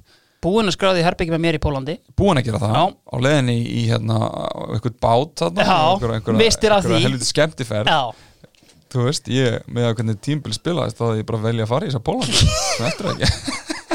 En, en þú veist, já, að, að það einhvern veginn þú veist, eins og hlutnir oft gerast einhvern veginn, að, það bara, það kemur eitthvað upp og, og hérna, eins manns döiði og allt það. Og ef mann rétt þá spila ég alla leiki á dimlu þú spilaðir, ég held ég 21 leik og byrjaði nánast alla. Þú setur vinnirinn á móti káar og veist, svona heilt yfir kannski, veist minna, er, veist, gengi liðsins var auðvitað ekki að segja en svona persónulega ég myndi segja mögulega þitt bara besta tímabil, þú veist, fyrir utan kannski síðan setni ári í rýbrandinu. Já, algjörlega mitt besta tímbil fyrir val. Já, bara ekki spurning. Mhm. það er hérna, sem sagt fyrir rýbrand uh, að þá var þetta besta tímbilum mitt. Og ég man að að, hérna þú veist, ég man ekki hvað ég skoraði mörgum að ég sko, þú veist, þetta ég fjögur fimm mörg fjögur mörg eitthvað og, og lagði- Hjörvar kallaði þarna Beckham Íslands. Já, og það var einmitt þegar ég var að þrykja ég, ég man, djöfull, ég gleymi aldrei þegar ég heyrði Hjörvar kalla mig Beckham Ísland, maður. djöfull kýtla þetta eitthvað hjá kallinu maður. Máttu ekki við því. Nei, Nei. ekki, sennilega ekki sko. En, en þá, það, ég man að það var á móti fylki held, heldar örglar eftir leikum móti fylki. Þegar ég var að þrykja hann inn á, á, Já, á, 5-2 sigur. Já, á hausin á, á König að hérna að það var, það var bara það var bara flott tímbil fyrir mig persónulega og, og hérna, og þú veist, og, og kannski þú veist, að því vorum að tala um þetta áðan einhvern veginn eftir sjá allt þetta, þú veist, að kannski líka ég meina styrkir það alveg svona einhvern veginn trúna á manni sjálfum í þeirri stöðu sem er að spila þegar maður á svona tímbil, maður spila næstu alla leikin eftir að átti ekki að spila neitt að því um, þú veist, maður leggur upp slatt á mörgum maður skorur einhver mörg og, og hérna, þú veist, maður er valin að efnilegastur ég man ég var, ég held ég að vera valin efnilegastur líka hérna um, á stöðu sport Mm. fyrir fyrri umferðina eitthvað Já. líka. man að ég hausaði gulla gull líka já, já, Þú varst á eldi þarna. myndist mikið á það við hann í klefanum í. En sko það sem að við erum samt að skauta framhjá er að það leikur alltaf á reyði skjálfi þarna í vala á þessum tíma veist, og það er eiginlega bara allt í það er allt í abaskít ef við bara segja alveg eins og er Gulli er þarna eins og við komin á hann, hún er rænt frá Selfossi svo er reynda bólunum út og koma gauja þórðarinn, stjórnin segir af sér, þú veist, er þetta eitthvað sem smitaðist mikið inn í klefan? já, Já, þetta var ekki gott. Nei. Það var, þú veist, og, og það er það er þetta sem er ótrúlega leiðilegt við þessi árminja val er að þau voru öll bara litið á einhverju svona drastli. Já, og því miður sko. Mm, þú veist, meina valur bara þetta, bara minn klúpur og, og, og verður það alltaf sko en, en, en þú veist, það er alveg glata að þetta hafi verið staðan, mm, þetta hafi verið stemmingin þú veist, maður, maður hérna þú veist, bara svona eitthvað drastl skilur, bara eitthvað svona eitthvað algjört og bara svona hluti sem bara var svo einfalt að gera allt öðruvísi sko. Mm, þú veist, að það er alveg svona þú veist, maður situr alveg eftir með það þú veist, og ég held að það hafi líka alveg komið í vekk fyrir að þú veist, að einhverjir ungi leikmenn sem voru að bæði fengu ekki sensin eða komist ekki lengra sko. mhm, Þú veist, að, að þeir einhvern veginn það er rosalega erfitt að ná einhverju fótfestu þegar allt, allt í kringu þeir einhvern veginn bara alltaf einhverju, þú veist, það er ekkit stabilitetin ennu sko. Hvernig var Gulli bara sem þjálfari? bara flottur, Já, þú veist, ekkit já, bara flottur. Já, þú veist, skilur, ég held að hann hafi bara líka verið þú veist, hann kom inn í bara einhverja mjög óörgar aðstæð líka Já, og, og, og einhvern veginn og tekur þetta þú veist, tekur þetta stórt og mikið skref í því að fara frá Selfossi í staðin fyrir bara einhvern veginn að koma þeim upp og vera með þeim áfram einhvern veginn, þá tekur hann, þú veist, reysa skref inn í mjög stóran sögufræðan klúb og ég held að það er bara pínu, þú veist, það var bara bæðið pínu og stór biti fyrir hann það var, þú veist þannig að, en bara flott ykkur, sko Algjörlega. Förum þá bara á uh, vinstri kantin. Hvað ætlum við að bjóða upp á þar? þar, þar erum við Sigur Egil, Lárusson. Sigalár, Sko, Maggi Gilva sækir hérna Siggalár eftir frábært tímabilans í, í fyrstu deildinni 2012 uh, fyrstu árin hans er hans hann hálfgerðu farþi hann er lánaður uh, til Víkings þarna árið eftir. Uh, úst, sástu eins og við komum inn á aftur þú kemur hann inn í rýbrandinu úst, sástu klikkaðan mun á þeim Sigga svo æfði með á þeim tíma og þeim sem þú mættir þá? Já, bara svona, þú veist hann var, hann var bara orðin miklu þroskari leikmaður. Já, og, og hérna, veist, hann, hann var svona manan þegar hann kemur hann að fyrst, veist, hann er bara svona svolítið, veist, þetta er hann bara þannig sé pínu krakki og ég var það náttúrulega líka. Já, já, en, en þú veist, ég bara mana að hérna, maður var ekkit alveg viss með hann fyrst þegar hann kemur. Mhm. En síðan hann eftir að hafa spilað með honum hann 2017 og þetta er búin að fylgjast með honum veist, hann, þetta byrjar auðvitað allt svona pínu með Óla. Já, svona hans svona segja svona, hans, Hann stígandi já, það. stígandi í, í hans leik. Meina það sem að teku við þér þegar þú mættir þarna, það er bara landslýsmaðurinn Sigurður Egil sko. já, algjörlega. Já. og náttúrulega bara búin að vera fáranlega góður og, og, og þú veist, og hann, hann, líka það sem að, veist, og það er svona kannski ástæðan líka, ég, ég vel nýta lið að hann, hann, hann býður upp á eitthvað svo allt annað. Mm þú veist, fyrir mér er hann svo allt öðru sér leikmaður heldur en bara eiginlega allir aðrir. Veist, hann, er, hann, er svona, hann er alls ekki sér típiski kantari. Nei, hann er ekki eitthvað ösku fljótur eða, eða driblandi hægri vinstri. Hann er eiginlega sko, ég hef stundu sagt að Siggi Lár sé síðasti kampmaðurinn að gamla skólanum. Hann er bara út í línu, hann leipur ekkert sérstaklega rætt en hann lúðrar fyrir. Hann lúðra fyrir, Já. en hann er líka með fárlega góða tæmingar í hlaupum inn fyrir. Og- rétt, mætir á og- fjær. mætir á fjær. Um, hann er náttúrulega mjög teknískur. Já, já, um, hann er góðu skotmaður og góðu sendingamæður en hann er ekki með þetta, svona, þetta sem að sem að flestir þjálfarar myndi óska sér í kantmann í dag Næ, lítil, Sem er- þarna. hraði, Já. sprengja um, veist, þessi svona þessi svona tækni að, að hérna, sprengja upp leikin veist, hann, er- hann er ekki endilega með hana. En, en hann býður upp á bara allt aðra einleika sem, sem voru svo, sem hendaði valsliðinu svo ofbúslega vel. Mm og, veist, að, að, hérna, og þetta bara veist, hann bara algjör líkil maður í liðinu. En, en hérna en fyrir mér hann, hann, hann, hann hefði alveg getað að fara lengra. Já, og ég held að hann viti það alveg sjálfur. Já, algjörlega. En, en, hérna, en geggjaður. Algjörlega, sko flökkum aðeins þá bara hérna áfram í, í tímalínunni og eins og ég kom inn á áðan uh, það er þessi yfirlýsing í februar 2012, uh, ekki þín fyrsta og ekki þín síðasta. Þú ert hættur í fótbolta, uh, það er hérna einhver skortur á gleði uh, þú þykist alltaf að byrja í veist, hvað, er, hvað er í gangi haustum á þér þarna? Já, það er gaman að þú rifjir þetta Já, það er bara um að gera. Já, já um, Sko, þú veist Ég held ég ekkert, ég, ég held ég hef ekkert verið að ljúga neinu þegar ég, þegar ég tala um, að það vantaði gleði og ég held að það er bara snúist um bara andrúsloftið í val. Mm. um, Þú veist 2012, þetta er þetta er, hana, Þetta er eftir fyrst tímabili hjá tímabili Kristján og Frey. Freysa. Og, og hérna veist, maður var bara orðin eða ég, ég var bara orðin pínu þreyttur á þessu og síðan, síðan er það, það er auðvitað svona kannski þáttur í ástæðan fyrir að ég fer í þetta er að ég þetta var, var bara mjög promising handbóltan maður. Já, já, og ég held alltaf minni tengingun í handbóltan bara veist, þekkti það bara mjög vel og, og allt sem er í gangi þar og allt þetta. Og ég hérna fór ofta æfingar í handbóltanum þegar fótboltin fór í frí á haustin. Mm. þá fór ég ofta að æfa með handbóltanum og óskapjarni bara alltaf, já, ég, þú kemur bara inn á meistar og maður, geggja það og hérna og ég, og ég bara ég, veginn, ég, ég fekk bara nóg af þessu hvernig það var búið að vera og hugsaði veginn og það, það var alltaf bara, þú veist, geggju stemming í veist, það er alltaf geggju stemming í Það er líf og fjör. Já. já. farið bara klefin og menn í bjóri og, veist, og Já, skilur og, og maður var veginn svona veist, já, er þetta ekki bara málið? Ha, veist, verður þetta ekki að vera gaman líka? Því að, að því að þetta var ekkit endilega mjög skemmtlegt hvernig það hefði verið? Veist, eh, þetta, þetta var ekkit mjög með uppörfandi aðstæður sem maður var í þarna með, með, veist, með þetta þarna eins og nefnir skilur maður fer í gegnum þetta bara eh, veist, eins og þú mér að gera bara, þú veist, Willum er hana svo er hann fer hann á miður tímbili Toggi Þráins kemur hann í já. svo kemur Atli Eðvalds um, síðan kemur hérna Gulli. Jóns allt það hafar í þú veist, Ef við tölum um sko þig sem rýbrand 2017 þá var Valur basically að rýbranda sig á hverju einasta ári Já. og ef við förum bara til dæmis í bara þetta ár 2011 það var alveg massíft rýbrand þarna, þú veist, Kristján og Freysi þú veist, þeir koma alveg með svona þú veist, það var einhver svona pæling eitthvað svona, herru, þú veist, valur á að vera þú veist, ég meina, menn fór að mæti jakkafötum í leiki, það var allskinn svona, veist, það var allskins eitthvað í kringum þetta sem svona, veist menn voru alveg með kassan úti einhvern veginn veist, og, og svoleiðis. Algjörlega, þeir, þeir gera það og, og það átti alveg að breyta hlutunum og allt þetta en, en, en svo einhvern veginn það sem gerist er að við einhvern veginn valur fellur í sömu gröfun eins og við gerum alltaf að það var einhvern veginn ekki, ekki gefin tími.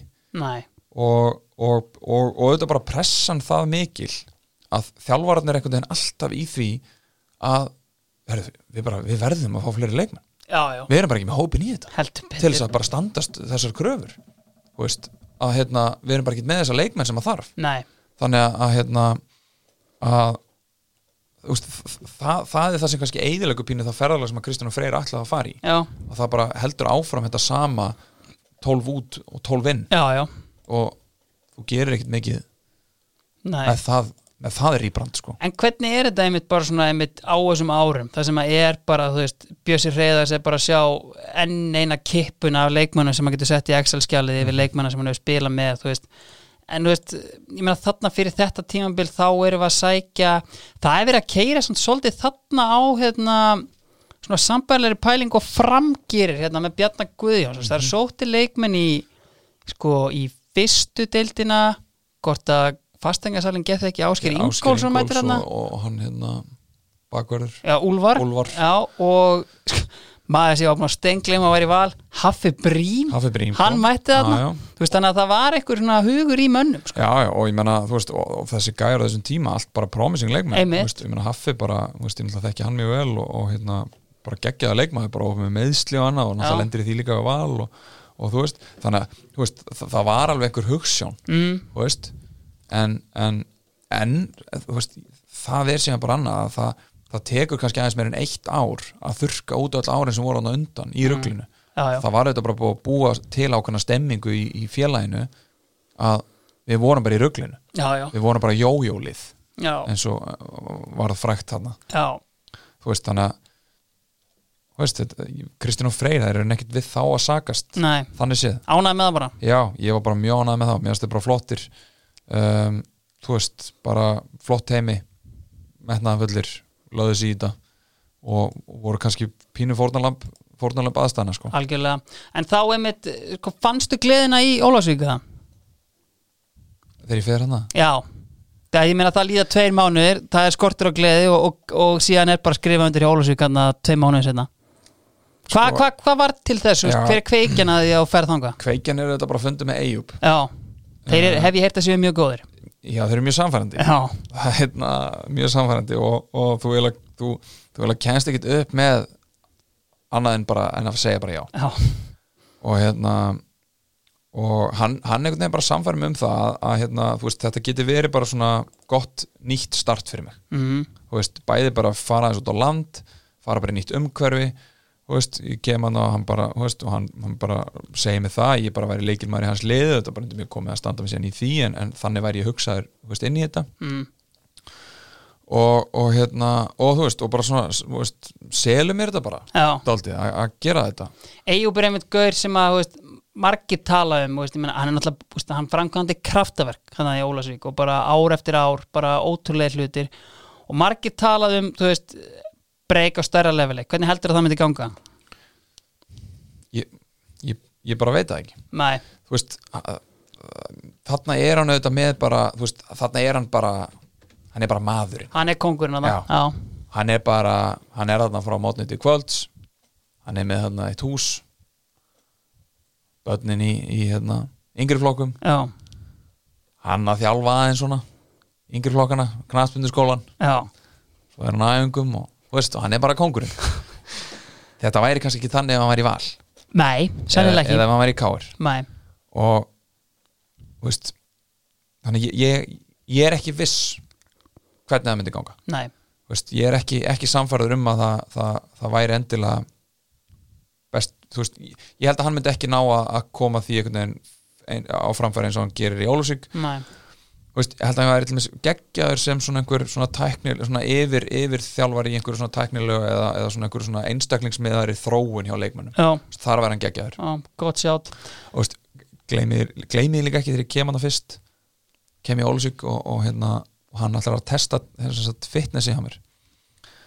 Og ég fer út á hérna, einhvern, svona æfingavöll þarna einhvern það rétt hjá sem er bara einhver, einhver bara mosa völlur einhver fer þar með hérna, styrta þjálfaranum sem er, sem er bosníumæður sem er nú alveg stólum hvað heitir, en um, þeir teiknaði hann upp einhver hlaup. Já, nei, ég held þetta, þetta ég held að ég erði ekki ég held ég myndi ekki ganga út af þessu vell sem endaði þetta því að ég ælandi út á hliðalínu, þeir tveir skellir hlæjandi að mér og hérna en, þú veist, það var bara það var svona góð hérna, góð byrjun á, á þessu samstarfi, þá, þá bara vissi maður þetta var alveg, maður var ekkert að að komast upp með neitt kjáta þarna. Nei og uh, þú máttir svo sannlega við því. Herru uh, uh, Súta Breykjavík okkar vinir, þú hefur auðvitað tengt Súta Breykjavík við svona já, svona bróðupartliða sem við spila með mikill aðdáðandi er einhver svona leikmaður sérstakur sem að þú væri til í að Súta tæki upp á sína arma, svona verst klætti leikmaður sem við spila með Já, sko það eru þrýr sem kom upp í hugan ok, um, Guðjón Pjóttur Lýsson já, hann verður seint talinn ofarlega á listanum yfir menn með tískuvit. Nei, nei. Hann er samt alltaf tilbúin að læra. Ég meina hann er búin að kaupa sig inn í Pandagang. Já, já, Já. Hann, er, hann, er, hann er einn af, af hérna, einn af eigundum Já. Pandagang, ef, ef, ég- ef mér skjáttlast ekki. Mm, þú veist, og hann vil alltaf læra. Um, en hann, hann, hann, hann já, hann er ekki, hann er ekki velklættur en ég menn oft líka bara, er langa oftast sé ég bara ykkur með yðnagalla með Já, já. hár skilur Já. þú veist, og allt það. Þú veist, þannig að það er kannski dálega marka. En síðan er það sko vinur minn hann einakarl. Já, það sem hann fer í, fötin sem hann er í og glingrið sem hann er með þú veist, þetta, þetta er öruglega flott einhverstaðar í, í einhverjum löndum. Já. En þetta eru bara lönd sem við berum okkur ekki saman við sko. þetta er ekki þetta er ekki Skandinavía Nei. eða, eða eitthvað sko. Veist, og ég, ég allavega veist, ég, ég spyr mig alltaf að því bara þegar ég hitt hann þá spyr ég hann mjög reglulega bara hvað er þetta með á höndinni og hann kallar þetta ís. Já, þetta nýja. Já, já. Sem menn er alltaf að, rokka. Það er ísinn.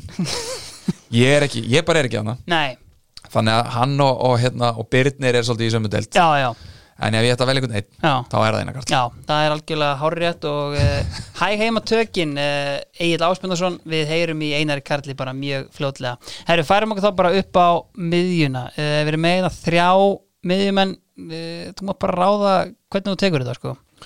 Ekki bara að byrja á, á hérna svona þeim, þeim sem ég myndi kalla fyrirleganum mínum. Já, sá harðasti í búið Já,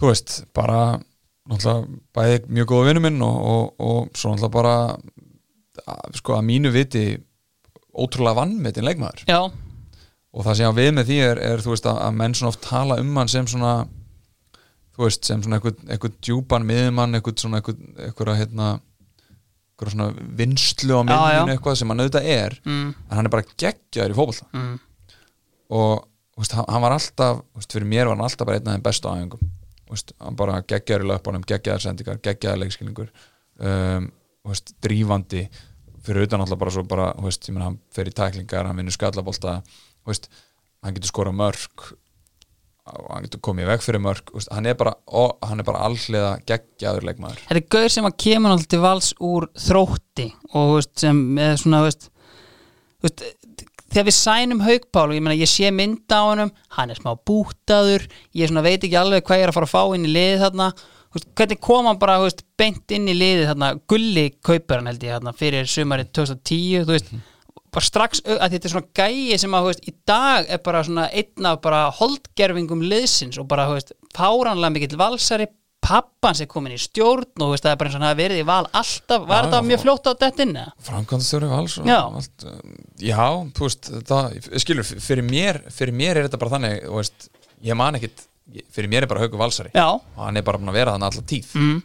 og bara einhverju þróttar allar hann að selja með það hann hafi verið í lögadalum eftir mann Já, ég sé hann ekki fyrir mér öðrum búning Nei, ég sko. ég bara, ég, ég þarf myndir að hérna, þú veist, að, að hann bara mjög fljótt bara dettur hann inn í þetta fyrst mér og, og þú veist, og þess að ég, ég, ég get eða ekki sagt eitthvað en já, bara mjög fljótt var hann komin í þetta því að bara hann hefur, hefur bara alltaf verið inn í þessu. Veist, það, það er veginn tilfinningin. Já. hann hefur bara alltaf verið hana bara, eins og segi, mikill valsari veist, orðin og, og hérna og, og eins og þú segir réttilega hann er bara svona, hann er bara fyrsti maður á blað einhvern veginn alltaf og, og maður er einhvern veginn á mjög erfitt með að ímynda sér val án Já, Þú veist, ég held að það geti alveg tekið á fyrir, fyrir klúbbin þegar, þegar hann hérna setur, setur skóna upp í, upp í hillina frægur sko. algjörlega. Herru, hverjir eru næstir hérna á miðinni? um, það er, er, er einn af þessum þreymur sem ég nefndi að hann uh, vestklættu, Já, Guðjón Pétur já. Lýðsson. Sko ímyndin að gauja út á við er hérna, og í öllum fjölmiðlum og annað er, þú veist, alltaf tala um hann sem einstaklega erfiðan. Og það er bara, þú veist, ú, alltaf þetta félag að taka Guðjón Pétur, þú veist, og hérna og sagan kannski ekki endilega hjálp honum frægir búferðlingar bú, búferðlaflutningar til Akureyrar og annað en þú veist, er hann svona erfiður inn í klefanum með það? Nei, þú veist, hann er, hann er alls ekkert erfiður í klefanum, hann er bara, hann er bara mikill karakter. Já, og mikli karakterar geta bara oft verið djúvill erfiður já, þú veist, það er bara oft við þá að eiga. Og hérna, og ég meina þetta er bara gæði sem sætt ekkert við það að sitja á bekknum. Og hann er alveg sama hvað ástæður eru fyrir því. Já, það skiptir hann engu máli. Nei, en veist, hann er svona oftast nokkuð sangjarn ef hann hefur verið lélugur já, að, veist, og það er mín, alveg mín upplifun. Ef hann hefur verið lélugur eða bara ef það er einhver annar sem hefur verið betri að þá er hann ekki brjálaður. Nei, en ef þú ert með Guðjón Pétur á bekknum og hann hefur ekki fengið sjensin á að sanna sig þá, þá ertu með leðilegan gæði í þínu veist, það er alveg þannig. Mm. og, og þú veist, og maður spyr sér alveg, þú veist, ég meina, er eitthvað eitthvað endilega að því, er eitthvað endilega Nei, veist, nei. ég meina, þú ert bara þarna, þú veist, þú veist að hvað, þú veist hvað þú ert að fá. Já, já, þú ert bara að fá massívan keppnismann. Þú ert að fá gæja sem bara sem bara lítur á tap sem bara það versta sem mögulega getur komið fyrir, það skiptir engu máli hvaða mánuður er, hann hefur aldrei verið í betra standi, já, það skiptir engu máli hvort það er bara 25. desember eða bara 15. júli já, gæin er alltaf í besta formi lífsins. Og, og sko ef þú reynir að segja hann eitthvað annað það að þú getur bara glemt því. Hann trúir þessu einlegt og það er bara það sem gerir gæjan geggjaðan. Fyrir utan auðvitað bara ógisla hægleikar ykkur veist, með bara einhverja bestu löpp í deild þú veist, bara í, í lengri tíma og, og hérna og, og þetta bara, bara þvílíkur veist, hann er bara bara geggjaður liðsfélagi.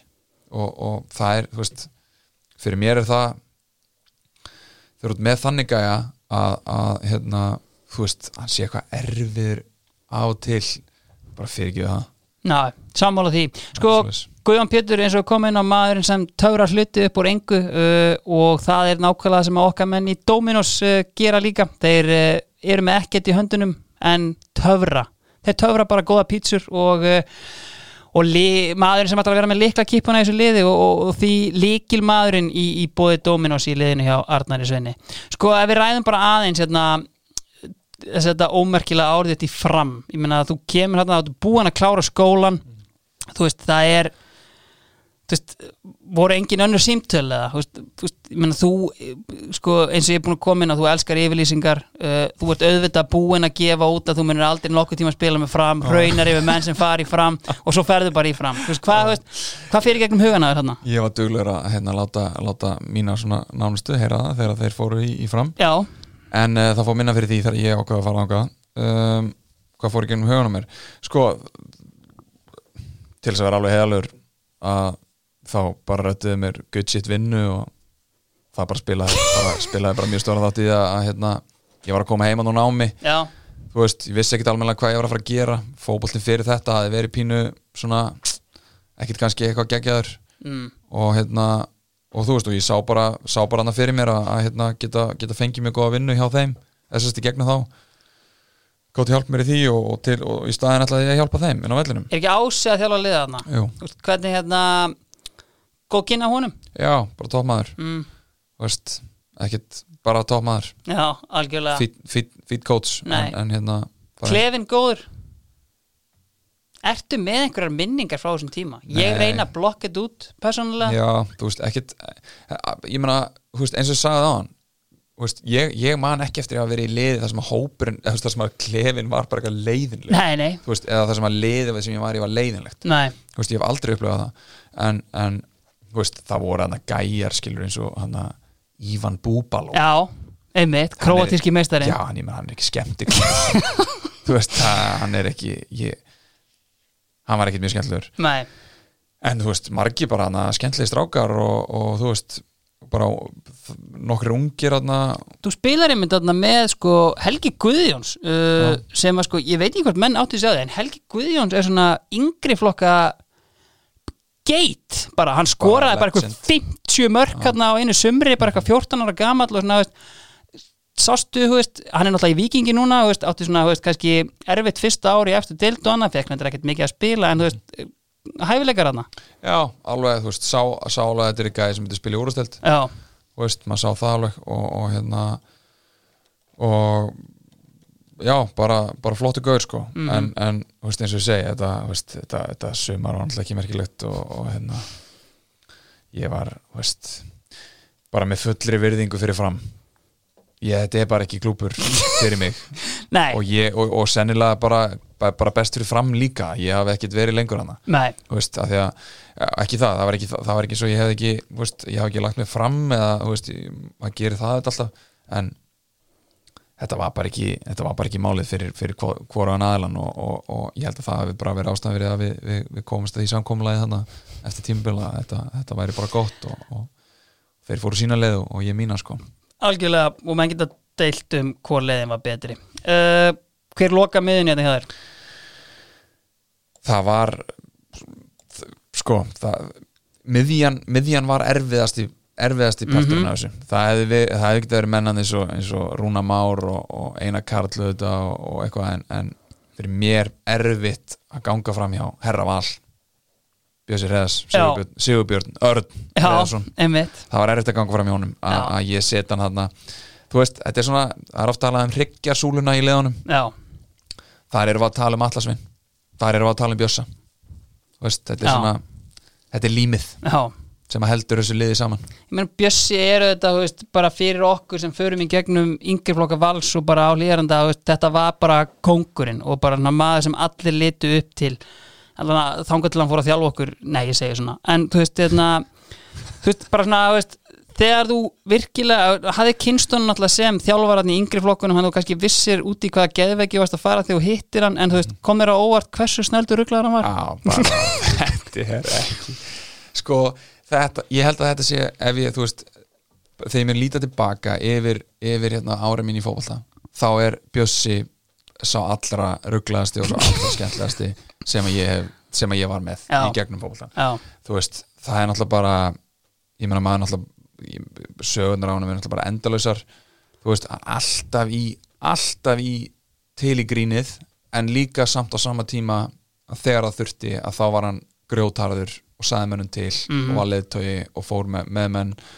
veist, en, en, en hérna bara svona náttúrulega bara, maður kemur upp í meistur og það veit að bjössi reyða sér. Mm, bara legend, icon í, í val. Og maður fann það bara þú veist, maður fann það bara ég meina, þú veist, það breytti engu þó hann, þó hann virðist ekki kunna telja á æfingum. Liðans var alltaf yfir. Já, já, það var ótrúlegt. Það var bara alltaf 5-2 fyrir hans liði samt að bara 1-0 og, og hérna og þú veist, alltaf í einhverjum svona, alltaf að, að skjóta menn og, og, og til í bandur, en alltaf líka til í að taka mótunum. Þú veist og veist, margar sögur á hann veist, eins og það er hérna hann alltaf eins á hann þegar hann hérna það er nú áður en ég kem hann upp sko. Mm, ég man ekki hver var að þjálfa þetta hefur verið í kringum aldamótin. Mm, þá voru að fara í aðeinkuferð og hérna síðan eru þeir að, að hérna fara að pakka heim í töskur og, og allt þetta og, og, og þá er þess að þjálfarinn sem bara man ekki hver það var. Mm, þá var hann hérna búinn að pakka og, og, og fer, fer eitthvað aðeins niður á hótelinu og, og hérna þá var Bjössi búinn að plana það aðeins að ruggli honum og hann fer hann að herbyggi til hans og sér að það er bara búið að pakka í töskur og, og hérna loka tösku og allt þetta og það var bara verið að fara fljótlega upp upp á flugvöll og hann opnar töskun og, laumar þangar nokkur um blöðum. Já, sem hérna blöðum sem, sem já klámblöðum sem eru ætlu samkynnaðum samkynnaðum mönnum. Já. Og nema hann bætur um betur og, og hérna hann ringir á undan sér í, í hérna leifstöð lætur vita að þarna sé sérst að nafnlaus ábending um að það þurfa að kanna eins einn sem er að koma. Og þessi þjálfari var, var þjóðþektur einstaklingur. Já, þannig að það var ekkert að fara fram hjá neinum þannig að þegar hann myndi labbi gegn og þetta var á þeim tíma þegar að þú tekin í hann að tjekki í tóllinum að þetta var bara fyrir allra augum. Já, það var ekkert eitthvað, fórst ekkert inn í eitthvað herbergi eitthvað. Og Bjössi náttúrulega leikur sér á því að hann lappar hann rétt á eftir þeim. Svo er hérna taskan opnuð. Eða áður en taskan opnuð þá var hann alltaf spurður og þú pakkaði sjálfur eða ekki? Hans, hans var því játandi. Taskan opnuð. Það er þetta blasaði og, og hérna og, og, og þetta var tekið hann á einhver daginn eftir þá var þetta tekið fyrir og, og, og menn, menn, menn mönnum gefin kostur að stíga fram og, og, og viðkjanna þetta en, en það, það gerir það enginn þannig að þetta er, er hérna þú veist, og, þe og ég veit að þetta þú veist, þetta lýsi bjössa bara ógislega vel. Já, þú veist, bara þú veist, fáránlega skemmtilegu gæi sem að hérna enn bara, þú veist, þvílíkur liðsmaður, þvílíkur liðsfélagi þú veist, myndi gera allt fyrir þig og, og, og auðvitað bara allt fyrir val og hérna, og bara mikill hefur að fengið að, hérna, að spila með honum. Algjörlega, þetta er náttúrulega ekkert eðlilega refalegt múl sem þú ert að lýsa þarna og Bjössi er auðvitað maðurinn sem bara mætti ungu frá Dalvík og hjekk á hlýðarenda, hann fann lyktin af árangri og, þó að værum að falla og, ger ekki raskat, þá beigðan og beigðan eftir titlinum þrátt fyrir gilli bónastaða frá eins og refurinn gerir og hann er því hreitn og klári refur draumaliðsins í bóði White Fox og Skröf Herru, þú veist eh, þú ert náttúrulega maður sem að hérna, þú ert elskaður, hataður en aldrei hunsaður. Mest kannski svona veist, eh, ekki allra kannski inn á vellinum og, og annað. En þú veist, hverjir eru svona þínir svona, ef byrjum kannski bara svona, veist, áttu er einhvern mótterja sem bara svona, veist, erfiðasti mótterji sem við mætt, bara einhver svona, hvort sem á bakur eða kantmaður setjum til sem bara, er ég að fara að spila mútið þessum morgun, ég nenni ekki. Um, sko ég held að þegar ég, þegar ég var að hugsa þetta þá kom strax upp í hugan Lennon. Já, að mér fannst bara ógislega erfitt að spila á mótunum og, og, og það kannski veist, spilar inn í hann, hann, hann skorar hann einhvern tímann eitthvað mark hann, ég held að það hefði verið 2000, og- ég held að það hefði verið 2017 þegar ég hafa eitthvað ömulega reynsun og, og hann hérna, hann smellir honum í fyrsta skorar hann í gaflegrega og eitthvað og, og veist, gæðin í honum eru bara geggjuð og, og það var bara alltaf ógislega erfitt að mæta honum og svo þetta Óskar þú veist, allt, allt svona einhvern veginn allt öðruvísi leikmaður samt. Og svona, veist, mér fannst, mér fannst oft þægilegt að spila móti leikmann eins og Óskar Erni, það einhvern veginn hentaði mér alveg vel að spila með, veist, eins og hann og, og Hallgrími Mar og svona, þú veist, svona þannig, þannig típar á leikmannum hendaði mér alveg ágætlega. En, maður fann svo mikið fyrir gæðanum. Já. þú veist, að vera svo svakalega fókuseraður þegar þú, þú varst að mæta honum með boltan að, að hérna, þú vildir ekki lenda í, í, í algjöru vesinni mm Er það einhver svona mest óþólandi anstæðingur sem þau mætt? Já, það, þú veist, að ég veit alveg hérna, ég er mjög óþólandi Já, já, og, og þú veist, til dæmis eins og einakarlir hann var nýkomin í val og, og svona, stu, svona aðeins eftir að hann kemur og þá segir hann við mig hérna ég held að vera algjört fíbl sko. og ég held að þetta sé alveg svona pínu þú veist, ég held að þetta sé alveg það sem að margir halda um mig. Já, já það er Og- bara klárlega og, staðan. og, og bara örgulega hafa rétt fyrir sér einhverju leiti en, hérna, en þegar ég fór að hugsa þetta síðan að þá, þú veist, þá eiginlega mest óþálandi gæinn sem að ég hef spilað á móti er að mörgu leiti mjög svipaður mér. Já. það er mjög pyrrandi að hann sé óþálandi í mínu bókum sko. það er Davíð Þór. Já, og þú veist hann svipaði mér að því leiti þú veist, gargandi og vælandi og þú veist, lætið dómar aldrei í friði Já, já. Og, og þú veist, og, og, og líka naggast í hinnum og, svona, og þú veist já, þannig að ég sá, já, mér varst fyndið þegar ég áttaði á því að mér fannst hann mest óþólandi Og þú hann varst í rauninni bara að horfa í spegil? Já, ég var eiginlega að horfa í speil sko. Algjörlega. þannig ég, ég skil þetta mjög vel að, hérna, að maður sé stundum stundum hérna, að sé tala stundum illa um mann kannski Já, já. á okkurum, á okkurum, í okkurum klefum eða eitthvað. Það er bara eins og það er. Það er er. Herru, uh, lengjan, uh, okkar menn þeir hafa verið að fara út í eftirminnilegustu leikina. Hvaða svona leiki standa upp úr á, á mögnuðum ferli? Eh, það var kannski, það voru tvei leiki sem poppuð upp. Það var annars vegar náttúrulega bara þegar ég set sigumarkið á, á, í fróstskjóli mm það er fyrir, fyrir ungan, ungan valsmann að henda í það og, og, og mark kannski bara alveg af dýr, dýrari Já, gerðinni þannig. getur alveg sagt það. Að hérna, það var, það var geggjað en ég myndi samt segja uppáhaldsleikurinn eða svona eftirminnasti leikurinn hafi verið uh, leikurinn sjálfur kannski ekkit mjög eftirminnilegur en, en það er leikurinn á mútið fjölunni á heimaðalli 2017 Já, þegar við, við hérna, verðum endanlega SSS, komum að segja tryggjum Íslandsmeistartitilin með mjög samfærandi hætti, samfærandi sigri. Og það er einhvern veginn það var, það var, geðvi, það var, það var fáránlega mikil uppskera fyrir mig. Og, og mér fannst það þú veist, það er, það er já, það var, það var, það var ótrúlega stór stund fyrir mig inn á hópaltæðlinum Mm. að, hérna, að klára það þú veist, vitandi að ég var bara búin að vera geggjaður þetta sömar og, og verandi bara líkilmaður í þessu liði þú veist, að þetta var bara svo mikið lið og, og þú veist, svo var hérna, svo var kvöldi geggja líka hjálfarleiksins það sem að hérna minn maður stinni fór á kostum það var, var stór gott stór gott dæmi en, Já. en já, ég myndi segja Valufjölnir, já, 2017 algjörlega. Sko, við förum bara út í lengjan vannunum með nokkra leiki og ég meina við getum eiginlega sleftir hérna á þess að ræða hinn magnaða innvi yfir Rosenborg í meistaradildinni 2018 Sko, þetta förum við í við, höldum þessu faglegu. Valur fer í þryggjamanna varnalínu uh, með Birki í uh, Hafsend, þannig að þú dæir að opna spotti fyrir því og þú spilar báða þessa leikið ekki? Jú. Jú. og ég meina, þú veist við vinnum fyrirleikin 1-0 hérna heima Valur og síðan þetta er þetta fíasko í, í þrántteimi þar sem að þú, þú í rauninni kastar vonum vals og glæð þarna á loka mínútinni hvað veist hversu trilltur er maður eftir svona leik?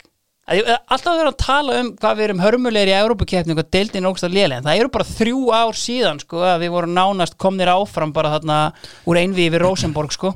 Já, sko, já, sko Þetta, ég, ég bara fýrast allir upp hérna, tala um hann helðsleikna Sko, málega alltaf það, við, við höfum unni Róseborg sem við áttum bara, við áttum bara sangjant að gera. Já, já, það var bara, við vorum rændir sigri á múti Róseborg þá hafði mætt Celtic í, sem hefði verið, þú veist örgulega bara bless bless, já, en mætt Celtic. Þar á eftir vorum við síðan að fara að mæta í mann rétt sko Kork eða eitthvað. Í sagt, næst síðustu umferð fyrir bara reyðlana í Europa League. Griðlana í Europa já, League þannig að með sigri á Rosenborg þá hefðum við farið fjandi langt Já, já. held ég, með þetta lið sem við vorum. Við, við hefðum unni kork, Mm. ég er eiginlega sannfæður um það, þannig að við hefðum verið í allt í einu leik um, um það að komast í riðla.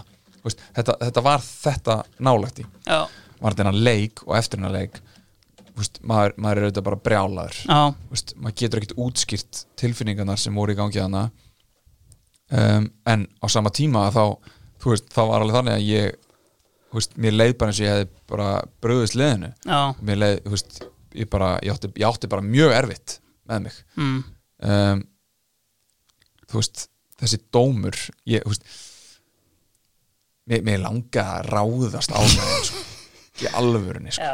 þetta var bara þú veist og, og síðan fórum daginn til hérna til, til Kitta Jak eh, bestu já, um, og þar tók hann vel á móti mér og, og, hérna, og við fórum eitthvað að spjalla saman og, og, hann er mitt þá tekur hann, þá, þá rifjar hann þennan leik upp líka. Já, og fyrir að rifja það upp að þeirra hafi tekið sko sagt, upp á UEFA dómarafundi þá hafi þetta atrið verið skoðað. Já, og þar hafi bara verið bara þetta hérna, hérna má sjá bara skólabók og dæmi um það hvað er ekki hendi inn í veist, ég, var ekkert glaður að heyra þetta sko. ég, ég, var eiginlega reyðar sko.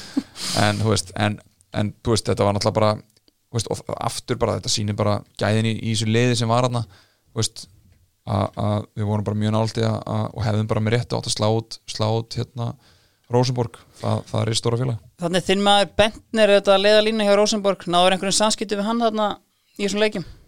Eh, maður maður var bara eitthvað aðeins í, bandir við hann bara eitthvað að skjóta hann og, og hann var hann var hann gaf ekki mikið af sér sko. hann, var hérna já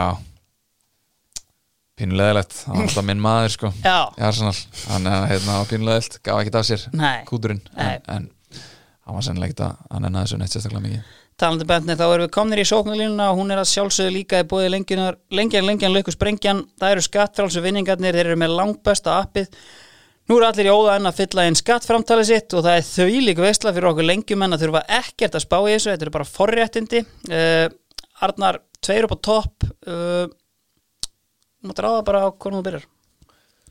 Já, ekki bara byrja á þeim sem að hérna, ég var, var síðast með í liði. Jú, getum gert það. Tómas Mikkelsen. Mhm. Sko, það er alltaf að tala um Tómas svona, hérna Þetta er þessi bara ultimate markaskorari. Fox in the box, uh, Ruth van Nistelrooy. En maður er svona upplifið kannski aðeins, ég man sérstaklega sko, ein af bara bestu vörslum sem ég séð var í fyrra við sitt íslensku deildinni þegar hann einhvern veginn bara, veist, er bara veist, fyrir utan teig chestar hann, hamrar upp í samskiptin þetta hefði með réttu mögulega verið bara mark tímabilsins en Gunnar Nílsen dregur eitthvað allt annað upp á pokahóttin og verið það. Þannig að það er, er, ég að ruggla eða er miklu meira þarna í þessum leik eða? Gæin er, er drullu góður í fótbolta sko. Já, það er alveg þannig. Mm. en, en, en svona, það kannski fer minna fyrir því af því að hann er einhvern veginn af því að hann er einmitt bara þessi svona strækir hann er bara þessi nýja. Mhm, og, og hann svona kannski kemur sér oft líka bara ekkert í aðstöðuna að þurfa endilega að taka á þessum mhm, Þú veist, en ég menna gæðin felast auðvitað bara í því að veist, hann er bara svona slúttari af Guðs náð. Já, Þú veist, þetta var svona veist, það var bara þreytandi að vera mótunum í einhverju slútt æfingu af því að hann bara skoraði úr öllu sem hann fekk já. Um, en, en ég, ég, gæðin eru bara klárlega til staðar klárlega, en, en ég myndi samt ekki það er ekki samt svona veist, það er ekki, það er ekki ástæðan fyrir að hann skorar. Nei, nei, það er miklu meira bara svona eitthvað instinkt og svona eitthvað sem er bara innbyggt í hann hann er bara, hann er bara markaskorur hann bara, hann bara skora mörg það er bara það sem hann gerir. Og alveg sama hvernig hann gerir það það er svona pínu já, það er svona pínu hvernig hann er. Algjörlega. Góð gæi eða? já, bara, þú veist eins og, eins og flestir flestir þessir skandinavar Mm, sem að ég hef allavega komist í kynni við þú veist, lang flestir bara fyrir þetta kannski Martin Melgard en þú veist, flestir bara góði gæðir og hann er bara bara top gaur, hann er svona kannski full góð við sjálf og sig þú veist, hann hérna hann er ekkit hann er ekki með þingingavesti í díónum og nei, nei, já. Og, og er hérna, er alveg eins og segi er alveg svona pínu góð við sjálf og sig en, en, en kemst, kemst á þessu leiti bara líka upp með það og, og hann er bara, bara mjög, mjög flottur gaur. Algjörlega, eftir vombriðin 2018 þá er henni söðlar um þarna og, og ferði í blikana. Uh, Gústi Gilva sækir þig þú veist, á pappir er þetta fínt tímabil á blikunum, blikunum en, en veist, það eru samt vombrið þarna inni, það er til dæmis þessi leikur á móti Vatuts uh, það er káar leikurinn í frostaskjólinu þar sem að Gummi Bö er nánast bara hérna, gerður brottrækur og, og, og, og allt þetta og, hvernig upplýður bara svona vegferðina sem Gústi var með þetta lið? Því að ég menna það næst annarsætti byggar og hvort að sko, allsett í deild og, annarsætti, byggar já, annarsætti, já, einmitt í dild já, segi, já, og undanast í byggar sko, þú veist mér fannst það algjör synd að Gústi að vera látið fara. Um, og það er þetta, ég er ekkit, ekkit það er ekkit það er ekki hlutlust mat. Af því að í kjálfærið kemur, kemur Óskarinn og ég er ekki hans plönum nei, nei, og ég fer frá félaginu. Já, á meðan ég var maður hann að skústa það er kannski ekki alveg hlutlust mat en ástæðan fyrir ég segja er að, að, að það er rosalega erfitt að, hérna, að krefja þjálfara um það að gera mikið betur heldur en annarsætti í deild þegar að þú missir oft bara bestu leikmennin á miðust tímbili mhm, sem er auðvitað raunin hjá okkur þarna þetta tímbil já, en það er eins og alveg rétt það sem hún segir og ég myndi eiginlega bara bæti í það tímabilið er í rauninni vombriði útfræði hvernig það spilast. Já, K.R. verður Íslandsmeistari um, og bara mjög verðskuldað en K.R. var ekkert að eiga frábært tímabil þannig, Mm. þeir bara gerða það sem þeir þurftu. Já, með réttu ef að ef að, við, sko, ef, ef að við hefum bara haldið okkar hóp til dæmis út tímbilið þá held ég að það er allavega meira spennandi lið nei, meira spennandi tímbil uh, þá held ég að, að við hefum verið miklu í miklu meiri titilbáratu heldur en við vorum. Um, nefnilega vatutsleik þú veist, það er náttúrulega bara þetta er bara lið sem um að vinna, já, já, punktur. Já. það er þetta bara mikið vonbreið fyrir klúb eins og breiðablik sem er komið í Európa-kefni að það ná ekki að vinna FC Vatuts En einmitt, það tala mikið um hérna Gústa og veist, svona hvernig þjálfar hann er, veist, hann hefur þurft að mæta í, í viðtöl og segjast vera með plan A, B og C og veist, og einhvern veginn þurfa að verja sig svona, fyrir hvernig þjálfar hann er, þú veist kannski alveg ljóst að þetta er ekki einhver, hann er engin nakelsmann eða eitthvað á því leveli en hvernig upplifir hann bara, þú veist samanborið til dæmis, bara til dæmis saman bara við Óla Jó sem að maður heyrir bara að það er bara reytur og spil og allir léttir og, og þú veist, er þetta ekki bara sambarlegt dæmi eða? þú veist að svona kannski að mörgu leiti ég meina Óli þetta bara með miklu meiri reynslu Mm. veist, og, og svona kannski veit aðeins meira hvað þarf til þú veist, að það þetta spilar mjög mikið með Óla um, og, og Óli þetta gríðarlega góður í því að, að, hérna, að búa til lið. Já, það sem Gústi kannski veist, mér finnst umræðan um Gústi alveg ósangjöld veist, mér finnst það. Mér finnst hann alveg að hafa, hafa fengið að svona pínu óþveið í, í, í einhvern veginn í fjölmilum og einhvern veginn að það veri svona verið að veist, saka njafnvel um að hann væri ekki tilbúin með eitthvað plön eða tilbúin að mæta þessu eða hinnu eða hvernig það var. Líka að maður sko bara pælir í því að þú veist eftir blika, veist, kannski veist, hérna, kannski er það bara þannig akkur þessum tímapunktan er bara óhöppin að missa starfið, en þú veist, gænar að þjálfa í lengjudildin í dag Mhm. sem að, veist, það er ekki rökrétt skref á neitt hátt. Alls ekki og ég meina þú veist að hafa, hafa hann, hann árið áður en ég kem þá lendaði líka öðrustu deildinni. Mm, þá fara þær í úrsliti byggar og fá silfur. Árið eftir því, annars er deild undanúrslit byggar, fyrst gift í Európa í eitthvað tíma, veist, það er, þetta er rosalega skrítið, hvernig þetta endar hjá honum Mm. og, og, og ég er ekki að segja þetta sé búið hjá honum, en, en þú veist, það er rosalega skrítið staðir sem hann er komin á í dag. Að því mann finnst að hann þurfa að sanna sig bara upp á nýtt í dag. Já, Já. þú veist, það er alveg þannig. Og, og mér finnst það rosalega skrítin vegferð á meðan, meðan þú veist, aðrið þjálfara þess að nefna ykkur endilega nöfn aðrið þjálfara komast upp með miklu meira Já. eða í rauninni miklu minna. Mm, uh, en, en, en halda starfinu sinu hér og þar og eða er alltaf í lúpunni í til já, þú veist ef við tölum um til dæmis bara eins og stjörnuna er ekki svo að spila eitthvað fantakáma fótbolta? En það er samt ekki þess sama umræða um rúnar eins og Nei. um Gústa. Næ samt að Gústi hann á betri en rúnar. Mm Hva- hvað innstæð átti, átti breyðablík fyrir því að vera ná betri ef við förum út í það heldur en stjarnan? Í rauninni með, með bara það projekt sem er í gangi á breyðablík og maður beður bara virðingu fyrir því það er bara seldur út leikmenn, það er bara, það er bara planið á breyðablík en mér fannst það bara að vera mistök að, hérna, gefa hann ekki eitt tímbilu viðbútt þú veist, ef hann hefði fengið hann eitt tímbilu viðbútt uh, jafnvel fengið inn eitthvað, eitthvað, svona, eitthvað einn í viðbútt inn í teimið hjá sér að þá held ég að, að það hefði geta farið, farið mjög, mjög vel sko Óskar tekur við þarna og það er náttúrulega bara þessi fræga tuska í andlitið að þér um, þú ert ekki fara að spila um, þú Já. ert samt þarna, eða hvað, er það ekki keisið? Jó, bara fyrir fyrsta aðeins sko. Já, en hérna, veist, hvernig svona, þú veist, hvernig upplifir það? Ósangjant, eða, þú veist, hérna, þú veist, pyrraður, Þú veist, ég myndi, já, já, ég myndi segja bara að það er alltaf ósakjönd að segja við leikmann sem að er hérna sama hverju leikmannurinn er að hann fá ekki tækifæri að, þú veist, áður en þetta byrjar. Já, já, þú fær ekki einu sinni æfingu.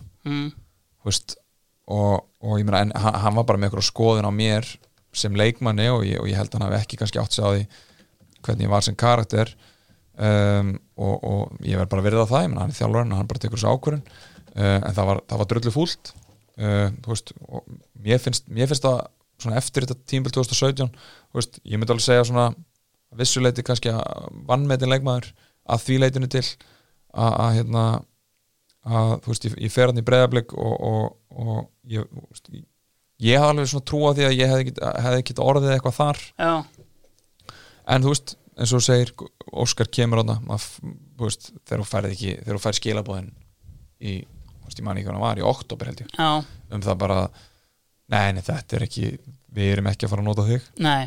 Að, að þá þetta dregur það svolítið úr manni kraft og dregur svolítið úr manni einhvern veginn vígtennin allavega svona til að byrja með. Um, en, en en þú veist en svo lendi ég lendi ég þarf að fara í aðgerðana í, í, í loka ást 2019 og þú veist og svo tekur þetta tíma til að koma tilbaka eftir það og, og, og eitthvað svona þannig að þá er COVID, þá er COVID komið blessunarlega. Um, og þú veist og, og þar kemur bara upp eitthvað svona tími sem er svona frekar hlutlust tími og allt í henni bara komið nálat sumri og þetta var í rauninni ekkert farið af stað heldur, Nei. þú veist, varandi það. En, en þú veist, en guðum góður, bara Óskar og, og, Dóri bara flottir og, komin með, með geggjaða pælingar og allt þetta sem að hefur verið gaman að vera partur af, meiri partur af mm en, en það er svo það er Algjörlega. Sko áðurum fyrir með mannin sem lokar liðinu. Dominos eru auðvitað með sitt uh, viðfræða tríó. Ási er að rúla út tríónu núna í mars. Uh, þetta er alveg mánuður. Einhverju þurfa að pizza sig vel upp og Ási hendi bara stóru byssunum út. Uh, Krem Mexicana, þetta er svolítið svona þín pizzaarnar. Það er fyrsta tríóð hérna og í því samengi þá vildi Ási henda einum kjúkling eins og er á Krem Mexicana í umræðina. Sko pandabjörnin sjálfur, Brynjólfur Andersen. Uh, þú ert auðvitað mikill Brynjóls maður, ég veit það fyrir víst og svona veist,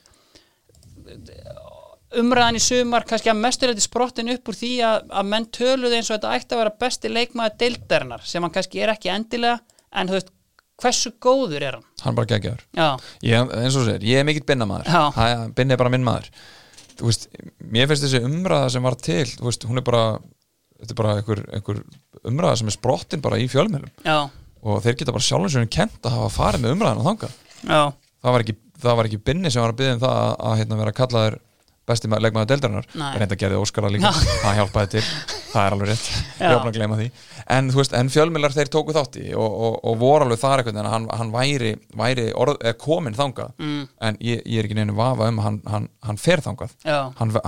Veist, og ég, ég, ég að geti séð að þess vegna gerast ef hann spilar á næstímbili á Íslandi mhm, að að hann verði eitt besti leikmaður deildarinnar.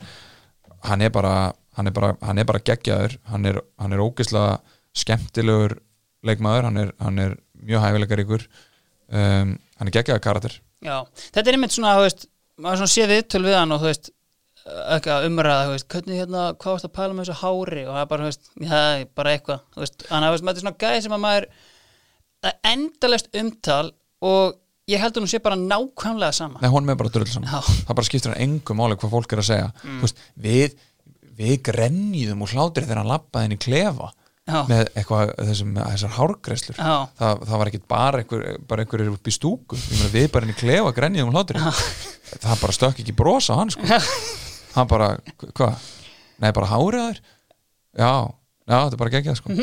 og svo bara, þú veist, svo var það bara búið Já, þú veist, þannig að eins og ég segi, mér, mér hérna ég mun, mun, mun verja mun mann binna fram í rauðan döðan sko, og, og hérna, bara topp maður og, og, og hann mun ná held í mjög langt. Algjörlega næsta pizza í tríóinu í marsmáni er auðvitað kjötveislan, þú hefur spilað með tveimur sérstaklega vel kjötum á topp, það er auðvitað annars vegar Kolbett Kárasson sem fóru því að vera húðlatur, húðlatur kampmaður sem aldrei bakkaði í það að vera þessi kjötveisla skinka pepperoni og nautak sem hann er. En þú veist, ef við förum út í kannski þú spilar með náttúrulega í rauninni dönskum Kolbenni Kárasinni í Danna König sem að kom hérna hálft sísón og, með þú varst hans Beckham, Hjörvar sagði það sjálfur þú veist, ég fannst alltaf smá sorglegt að gæin, við hefum ekki fengið að sjá meira af köningnum hérna á landinu. Já, ég er bara alveg samanlega því. Hann var, var, var hérna, flottur leikmaður á flottum aldri. Og, og þú veist, og hann var alveg svona þú veist, hann lit, hann lit hérna, Martin Melga leiði þessu út í vittleysu þú veist, það, hérna, hann var, hann var vondi félagskapi sem dætti í eins og einmitt, segir en, en, en þú veist, heilti yfir bara mjög heilst þetta gaur líka og, og, og þú veist, og laði sér fram og allt þetta. Og þetta var ekki svona, veist, sem er oft með þessa gæja sem koma, þetta er svona einhver endastöð. Já, en hjá honum var þetta bara stökkpalli miklu frekar. Mm Mhm. veist, en það er, er það raunin hvernig sem við horfum á síðan framhaldi á hann hvort það sé endilega einhver stökkpallur mm, en, en, en þú veist ég- er sammála. Það hefur verið gaman að sjá aðeins meira á hann Mhm. hann, hafa hann inn í tvö tímbil og að því að ég held að hann hefði veist, raðið mörgum hérna, sko. já, klárt mál. Og síðan er það síðasta pizzan í tríónu, það er Eldorado hvítlögspotn, engin pizzasósa jalapeno og auðvitað baconsniðarna sem er leikilatri fyrir þriðja mannin í tríónu skagamannin með suðrænum jæðmarhefðingarnar, Jón Vilhelm Ágason uh, það er auðvitað eitt eintaka manni og úst, ef hann hefði bara nefnt að vera til einhvern veginn. Já, þá svona kannski væri við að tala um one of the greats í dildinni er, veist, er það ekki bara kallmat? út, út frá bara gæðum Já. og út frá því sem maður sá þegar hann, þegar hann þú veist, bara þegar hann dró inn andan að hérna, þú veist þá hérna, en, en ég þetta er, þetta er bara geggja eindaka gæja. Þú veist, það er bara þú veist, eins og þú segir, ef hann hefði nefnt þess aðeins meira eða ekkert aðeins meira, hann hefði bara nefnt þessu punktur að þá hérna þú veist, að því hann komst þó þetta langt að því hann nennis ekki neitt. Já, að guðmi góður, hvert hvert hann fari hann hefði, hefði, hefði virkilega gefið sér í þetta. Og, og auðvitað bara síðan bara líka bara skemmtlegu gæi þú veist, það var gaman að vera í kringum hann og, og hérna, þannig að ég held að, ég held að það er svona pínu synd og, en, þú veist, menn menn gera, menn gera eins og bara það sem þeir vilja, Já, já, það er alveg klárt það mál. það bara fjölmiðla fyrir ængurinn Jón Vilhelm. Herru, hver lokar þá liðinu? Herðu, við áttum eitt mann eftir. Já, það er um, það er Patrik Pedersen, já, einmitt. GP9 Já, sko uh, annar maður sem Maggi Gilva fætti sín og hann fær hann til sín á miðju sumri 2013 held ég alveg öruglega hann sækir hann tvo leikmenn í glugganum. Þetta var svona mjög algengt stef hjá val. Uh, gluggi, það eru allavega tveir útlendingar sem koma hérna hann sækir Lukas Ólander sem var þarna svona FM Wonder Kid og þú veist, hann var eiginlega gaurinn sem varum að sækja og Patrik kemur kannski einhver svona pakkadíl smá. Já. en þú veist og Ólander, ég man sko, þú veist, fyrsti leikurinn sem ég sá Patrik í, og kom hann hætti inn á móti fram og maður svona, já, þú veist einhvern veginn svona, þú veist hann, hann skoraði þessum leik, geggja slútt en þú veist, maður samt kannski endilega sá ekkert svona eitthvað, veist, að hann er þetta skrimsli sem hann er búin að vera. Eða, þú veist, hvern, var það bara fyrir þig leit, bara frá fyrstu æfingu eða? Ég- Já, sko svona eiginlega, allavega mjög fljótlega Mm. þá var maður bara fann að sjá hvers konar gæði væri í, í Patrik sem maður sá kannski ekki í Lukas Ólandur um, en, en mjög fljótlega sá maður, sá maður bara að það var einhver, einhver lottovinningur sem, sem að Valur hafi hreft veist, og, og ég menna þetta bara búið að sína sér síðan. Mm, ekki, ekki, bara, ekki bara í mörgum heldur, heldur líka náttúrulega bara í, í krónum. Já, Valur þetta ágæti söluvara sem hann hefur verið. Um, og, og þú veist, og bara ennþá að delivera fyrir val og hann er bara orðin líka bara, hann er orðin bara svona frekar mikill valsari Það er einmitt svona, veist, þetta er svolítið svona hljóðlátu tauramæður sem að, veist, maður, veist, það er ekkert vesen einhvern veginn, maður bara, veit vallan sé til nema á leikdegi, er þetta bara svona proper gæja? Já, þetta er það heilt yfir auðvitað einhver, einhver incident hér og þar eins og gengur að gerist en heilt yfir bara, bara geggjaður, flottu gæi um, mikill, mikill profi Er hann mjög vókal í klefanum? Þú veist, Nei. í, í einhvers að peppi öðru, bara, nei, hann er hann er, hann er hinn silent but deadly Já, í, í þessu, þessu valslið hann á 2017 áttum kemur náttúrulega á miðutímbri 2017 já, þú veist, og, og, og ég menna bara gæðin þau bara, þau tala bara á vellinum veist, fyrir mér bara besti besti, hérna, besti erlendilegmaður sem spilaði deildinni. Um, þú veist, þú vissir eiginlega að þú varst með hann í liða æfingu þá myndir þú vinna. Mhm, af því að hann bara skoraði bara eitthvað mörg og, og það snýrist bara um að halda hreinu hinum með þá, þá vissi maður að, að hérna, maður er í góðum málum og, og mann er leiðilega þannig líka bara inn á þú veist, í, í leikjum það var hérna, þú veist, bara þannig gæði og bara ógislega mikið öryggi í því að geta bara alltaf þrygt honum í lappinnar á honum og, og geta ítliðin upp. Mm, og hann bara heldur og, þetta síðan bara törur hann mörg upp úr engu. Þannig að, bara geggjaði gæði og, og já, örgla, örgla, örgla besti gæði sem ég æft með yfir lengri tíma. Algjörlega. Sko bara sjátt át hérna á uh, Magnús Gilvason sem að þetta hérna færiði aftur í val eftir útleðan í Ólafsvík, þú veist. Því líkum maður. Maggi Gilva er bara því líku maður, það er rétt það er ekki þetta orða hann í dörfisi ég, þú veist, bara frábær, frábær gaur í alla staði og hérna veist, miklu meir einhvern veginn félagi manns heldur endilega þjálfari manns, þannig séð. Veist, bara fýtt þjálfari og allt það, en, en hérna veist, kemur með svo miklu meira að borðinu heldur það, maður er ennþá maður fyrir ennþá, veist var þegar maður fór á þjóðtíð fór alltaf í kvítatjaldið til Magga Gilva og þar var tekið á móti manni með, með hérna, fiskmúsinni salt fiskamús Já. og, og hérna og einhverju og, og bara, þú veist, hann er bara hann er bara algjör topp maður og, Mm. og gerði ótrúlega margt gott fyrir, fyrir val þó að kannski árangurinn hafa ekkert verið veist, eitthvað, veist, hann var bara eins og hann hafði, var alltaf einhvern veginn á þessum tíma á þessi ára á undan. Já, en hérna en þú veist, kemur einmitt með þarna, kemur einmitt með, með Patrick Pedersen kemur með James Hurst. Fyrir maður sér hörstanum Þú veist, er þetta ekki einn erfiðasti maður til að hafa á, á svæðinu uh, sem hægt er það? Jú, þetta er svona, ég held að sé svona definition á pappakassa. Já, þú veist fór hann til Dubai. Já. Hann Kom Magga í smá klandur þar. Kom Já. klandur þar sett hann í erfiða stöðu. Mm, þú veist, svona típisk múf fyrir hann. Já, að farið veginn, leta engan vita pósta samt myndum af sér. Og maður var alveg bara ævól er þetta dabgauður eitthvað. En ótrúlega góður. Geggjaður í Já, og en ég meina þú veist maður, maður, maður, það, maður þarf ekki að fara á neitt annað en bara á, á Wikipedia síðan hans ef hann er með hana. Hor- rennu við ferilinn. Já, þetta er einhver 20 lið held ég. Hvernig þetta endar og endar náttúrulega líki einhverjum bara málaferðlu með einhverju ruggli þarna einhverstaðar í Englandi þannig að þú veist, maður sér það bara hausin á gæðanum var bara ekki með og, og hérna, og eins og segja þú veist, ég, ég myndi seint velja hann í, í, í hópin minn. Þegar ég væri að púsla saman liði. Nei, en annar gleðigjaði sem Maggi Gila kom með var náttúrulega hérna, ja, Varst þú þegar Tony Mavetti mætti eða? Já. Það var mikill hérna höfðingi. Já, já, skemmtilegur Já. og það hérna, og bara, þú veist, fýt spilari og, og, en þú veist ég, ég skildi aldrei neitt. Það var, þú veist það var eins og með margt annað sem að, sem að, hérna, sem að kom stundum á hlýðarenda maður maður hérna, já, það, það er alls konar, alls konar gaurar búin að koma sko. En ef fyrir við bara út í það, bara svona áttur einhverja svona eftirlætis útlendinga sem hafa komið hérna að góðu að slæmu? Já, klárlega, ég meina hérna, kannski þú veist, það er kannski það er það sem maður getur tekið út úr þessum tíma hjá val, þú veist, í þessu koma faradæmi að, að maður kynntist þetta fullt af gaurum.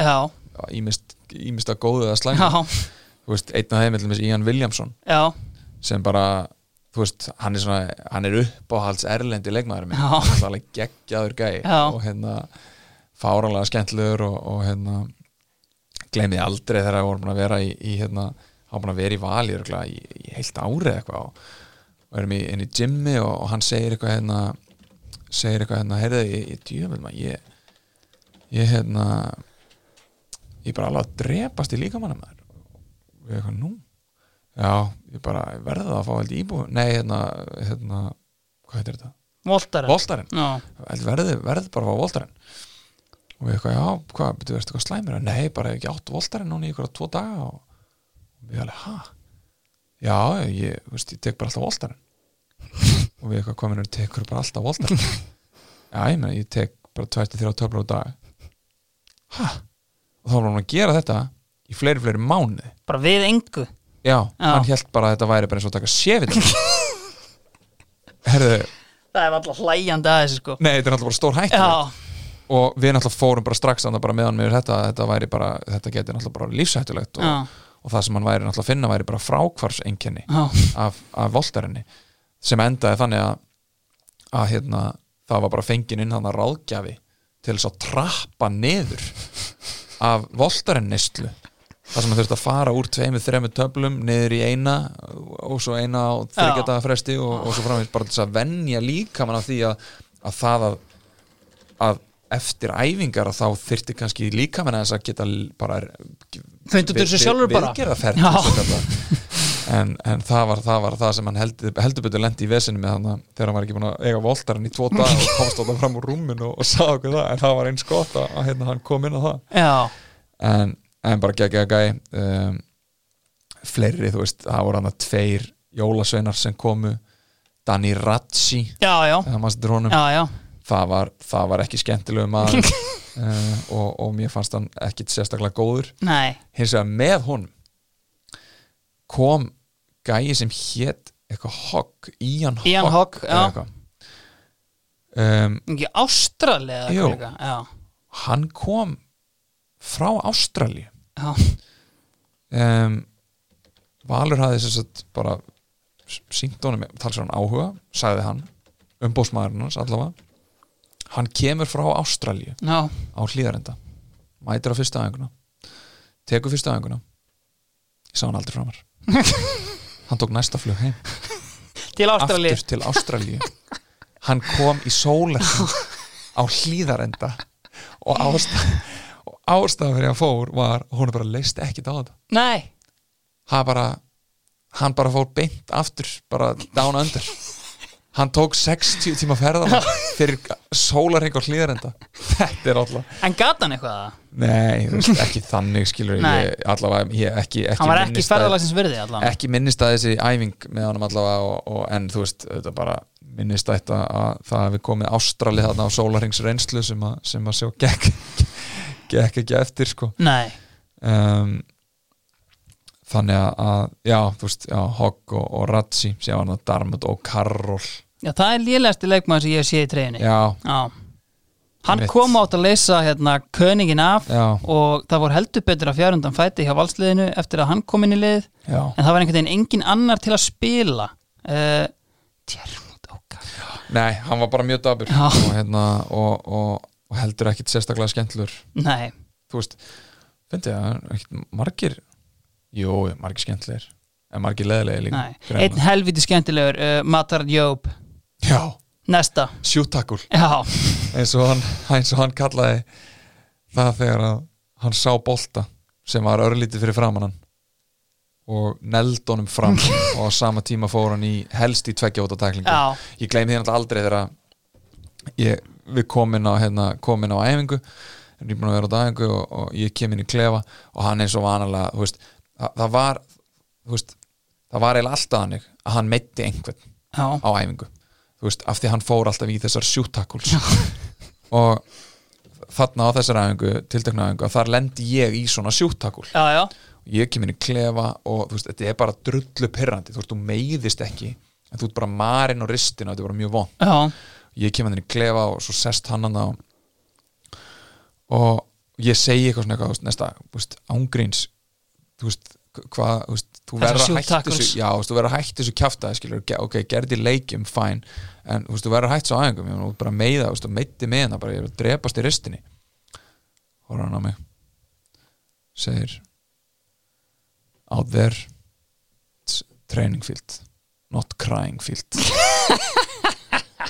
jarðaði mig bara. Já, þú, hann gerði það svo sannarlega. ég, hérna, ég sagði bara ekki neitt og, beið síðan bara eftir því að hann væri búin í styrtu sem að flest allir gerðu. Alltaf um, eins og, eins og Bjössi Bjössi hreða sagði ekkert þegar við komum inn á, inn á einhver, einhver, einhver hérna á einhverju undirbúrstímulinu kallt úti. Hann laði bara inn í styrtu og, og það er næsta í styrtu og, og hann, hann snýr bara mjög hratt við kemur í klefa og sest inn, sest inn í hotn aftur til sín og muldra svona. Maður er að koma inn og kuldanum þetta er það sem tekur á móti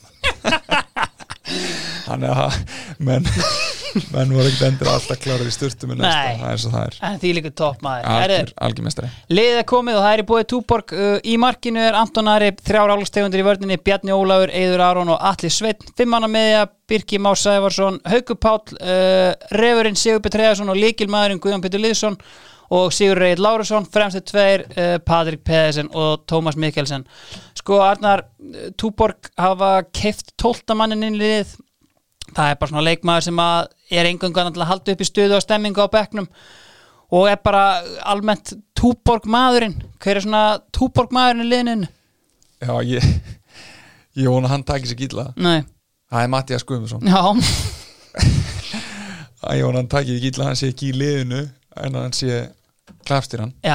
Um, hann og Bjössi eh, það er svona aðalástæðan fyrir að ég vel hann sem, sem ekki það, hann er geggjaður. Mm, en komboið Mattias Guðmundsson og Sigurbjörn Hreðarsson það er eitthvað svona sem að þú veist, sem allir ættu að fá að kynnast. Um, þetta er bara svona þann, þetta er svona eitra dúo bara, þú veist þú bara ert grenjandi og hlátri alltaf þegar þeir eru saman. Já, í einhverjum svona, í einhverjum endalusum skotum sín á milli veist, og eitthvað og, veist, eitthvað þeirra Matti þú veist, ég, ég veit ekki hvort þessi saga með virka í podcasti, ég verði samt að koma já, já, að hérna Matti er handlegsbrotin og við erum í pottinum inn í, inn í valsemili og hann er með hendina svona í, í póka já, til þess að vernda gifsið. Já, og heldur henni svona uppi. Já, og Bjössi er hérna og, og, hérna, og, og er hérna og það er bara full og ég held mér að það hefði verið svona hérna, undafari af mórölskum og vorum jafnvel að fá okkur kaldan og eitthvað í potin og Bjössi bara eins og alltaf þá var hann bara að segja sögur já, og það er bara það sem hann gerði alltaf. Það bara, veist, og það var engin annar að reyna að komast að, það vildu bara allir heyra söguna sem Bjössi hafa að segja, það er bara líka bara margar og ógeðslega skemmtilegar Matti situr hann bara í, í, í, í hérna, róli, róli heitum með höndir hann upp í loft og, og svo í allt inn í miðri sögu þú veist þetta er búið að vera, veist, við erum búin að vera hann í örugglega, og Matti alltaf með höndin uppi og þá allt í sto, svona, snar stoppar Bjössi inn að söguna og lítur svona á Matti og segir Matti, það kemur að þér. Þú getur bara sett niður höndina.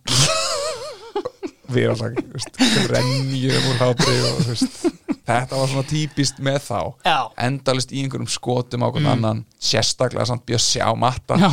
matta einhvern veginn alltaf einhvern veginn eitthvað að reyna einhvern veginn að koma tilbaka Já, en, en Matti, tólti maðurinn Já. að, hann getur ekki klika Túborg ánaðir að heyra þetta Já. Herru, uh, þá fyrir við bara að loka þessu og þú veist, er einhver sem að bara kemur strax upp í hugan hver er þetta að þjálfa þetta lið? Þú hefur, sko, kom því að þú hefur tvísvar á þínum 12 ára meistarflóksferðli verið með sama þjálfaran tvö ári röð. Sturlu staðrend Já, þetta er eitthvað sem ég bara vissi ekki. Nei, erum með nokkra tvísvar en, en þú veist, aldrei samfelt, sko. Já, Já geggja, áhugavert. Eða þú veist, umulögt en áhugavert. Margir góði þjálfarar. Mm, um, margir skemmtilegir þjálfarar sem kannski voru ekki jafn góðir þjálfarar. Næ, en, en það er erfitt að, að hérna, velja einhverja, einhverja aðra en, en bara Óla og Bjösa já, saman, dúóið. Já, að þjálfa þetta. Já, þá er hann spilandi þjálfari. Já, það væri náttúrulega geðvægt, en, en þú veist, Óli Óli tækir þetta lið, Já, hann færi langt með þetta lið. Já, ég er nokkuð viss um það. Sko, kannski bara restina. Ég meina, uh, þú ert samningslaus, ert að býða við síman eða? nei, ég er ekkert að, að býða við síman en þegar gladur við símtölum samt. Nei, þú veist eh, þetta er búið að vera náttúrulega bara mjög skrítin tími þetta COVID-dæmi Mhm. og, og, og hérna, ég er sjálfur búin að vera í, í bara í smá meðslaðisinni mm og þú veist, Þú ert ekki að selja það mjög vel hérna? Nei, nei.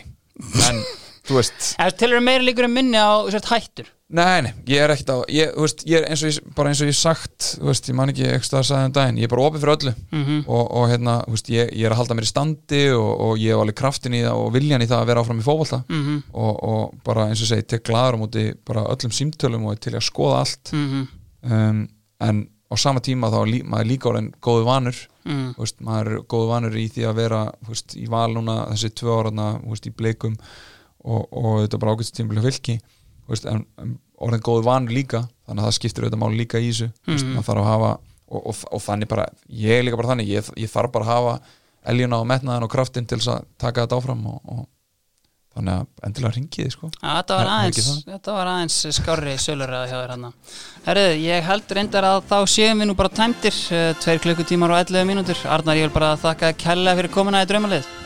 Bara takk kærlega fyrir mig, Jóa minn. Þið voru að hlusta draumalið í bóði lengjunar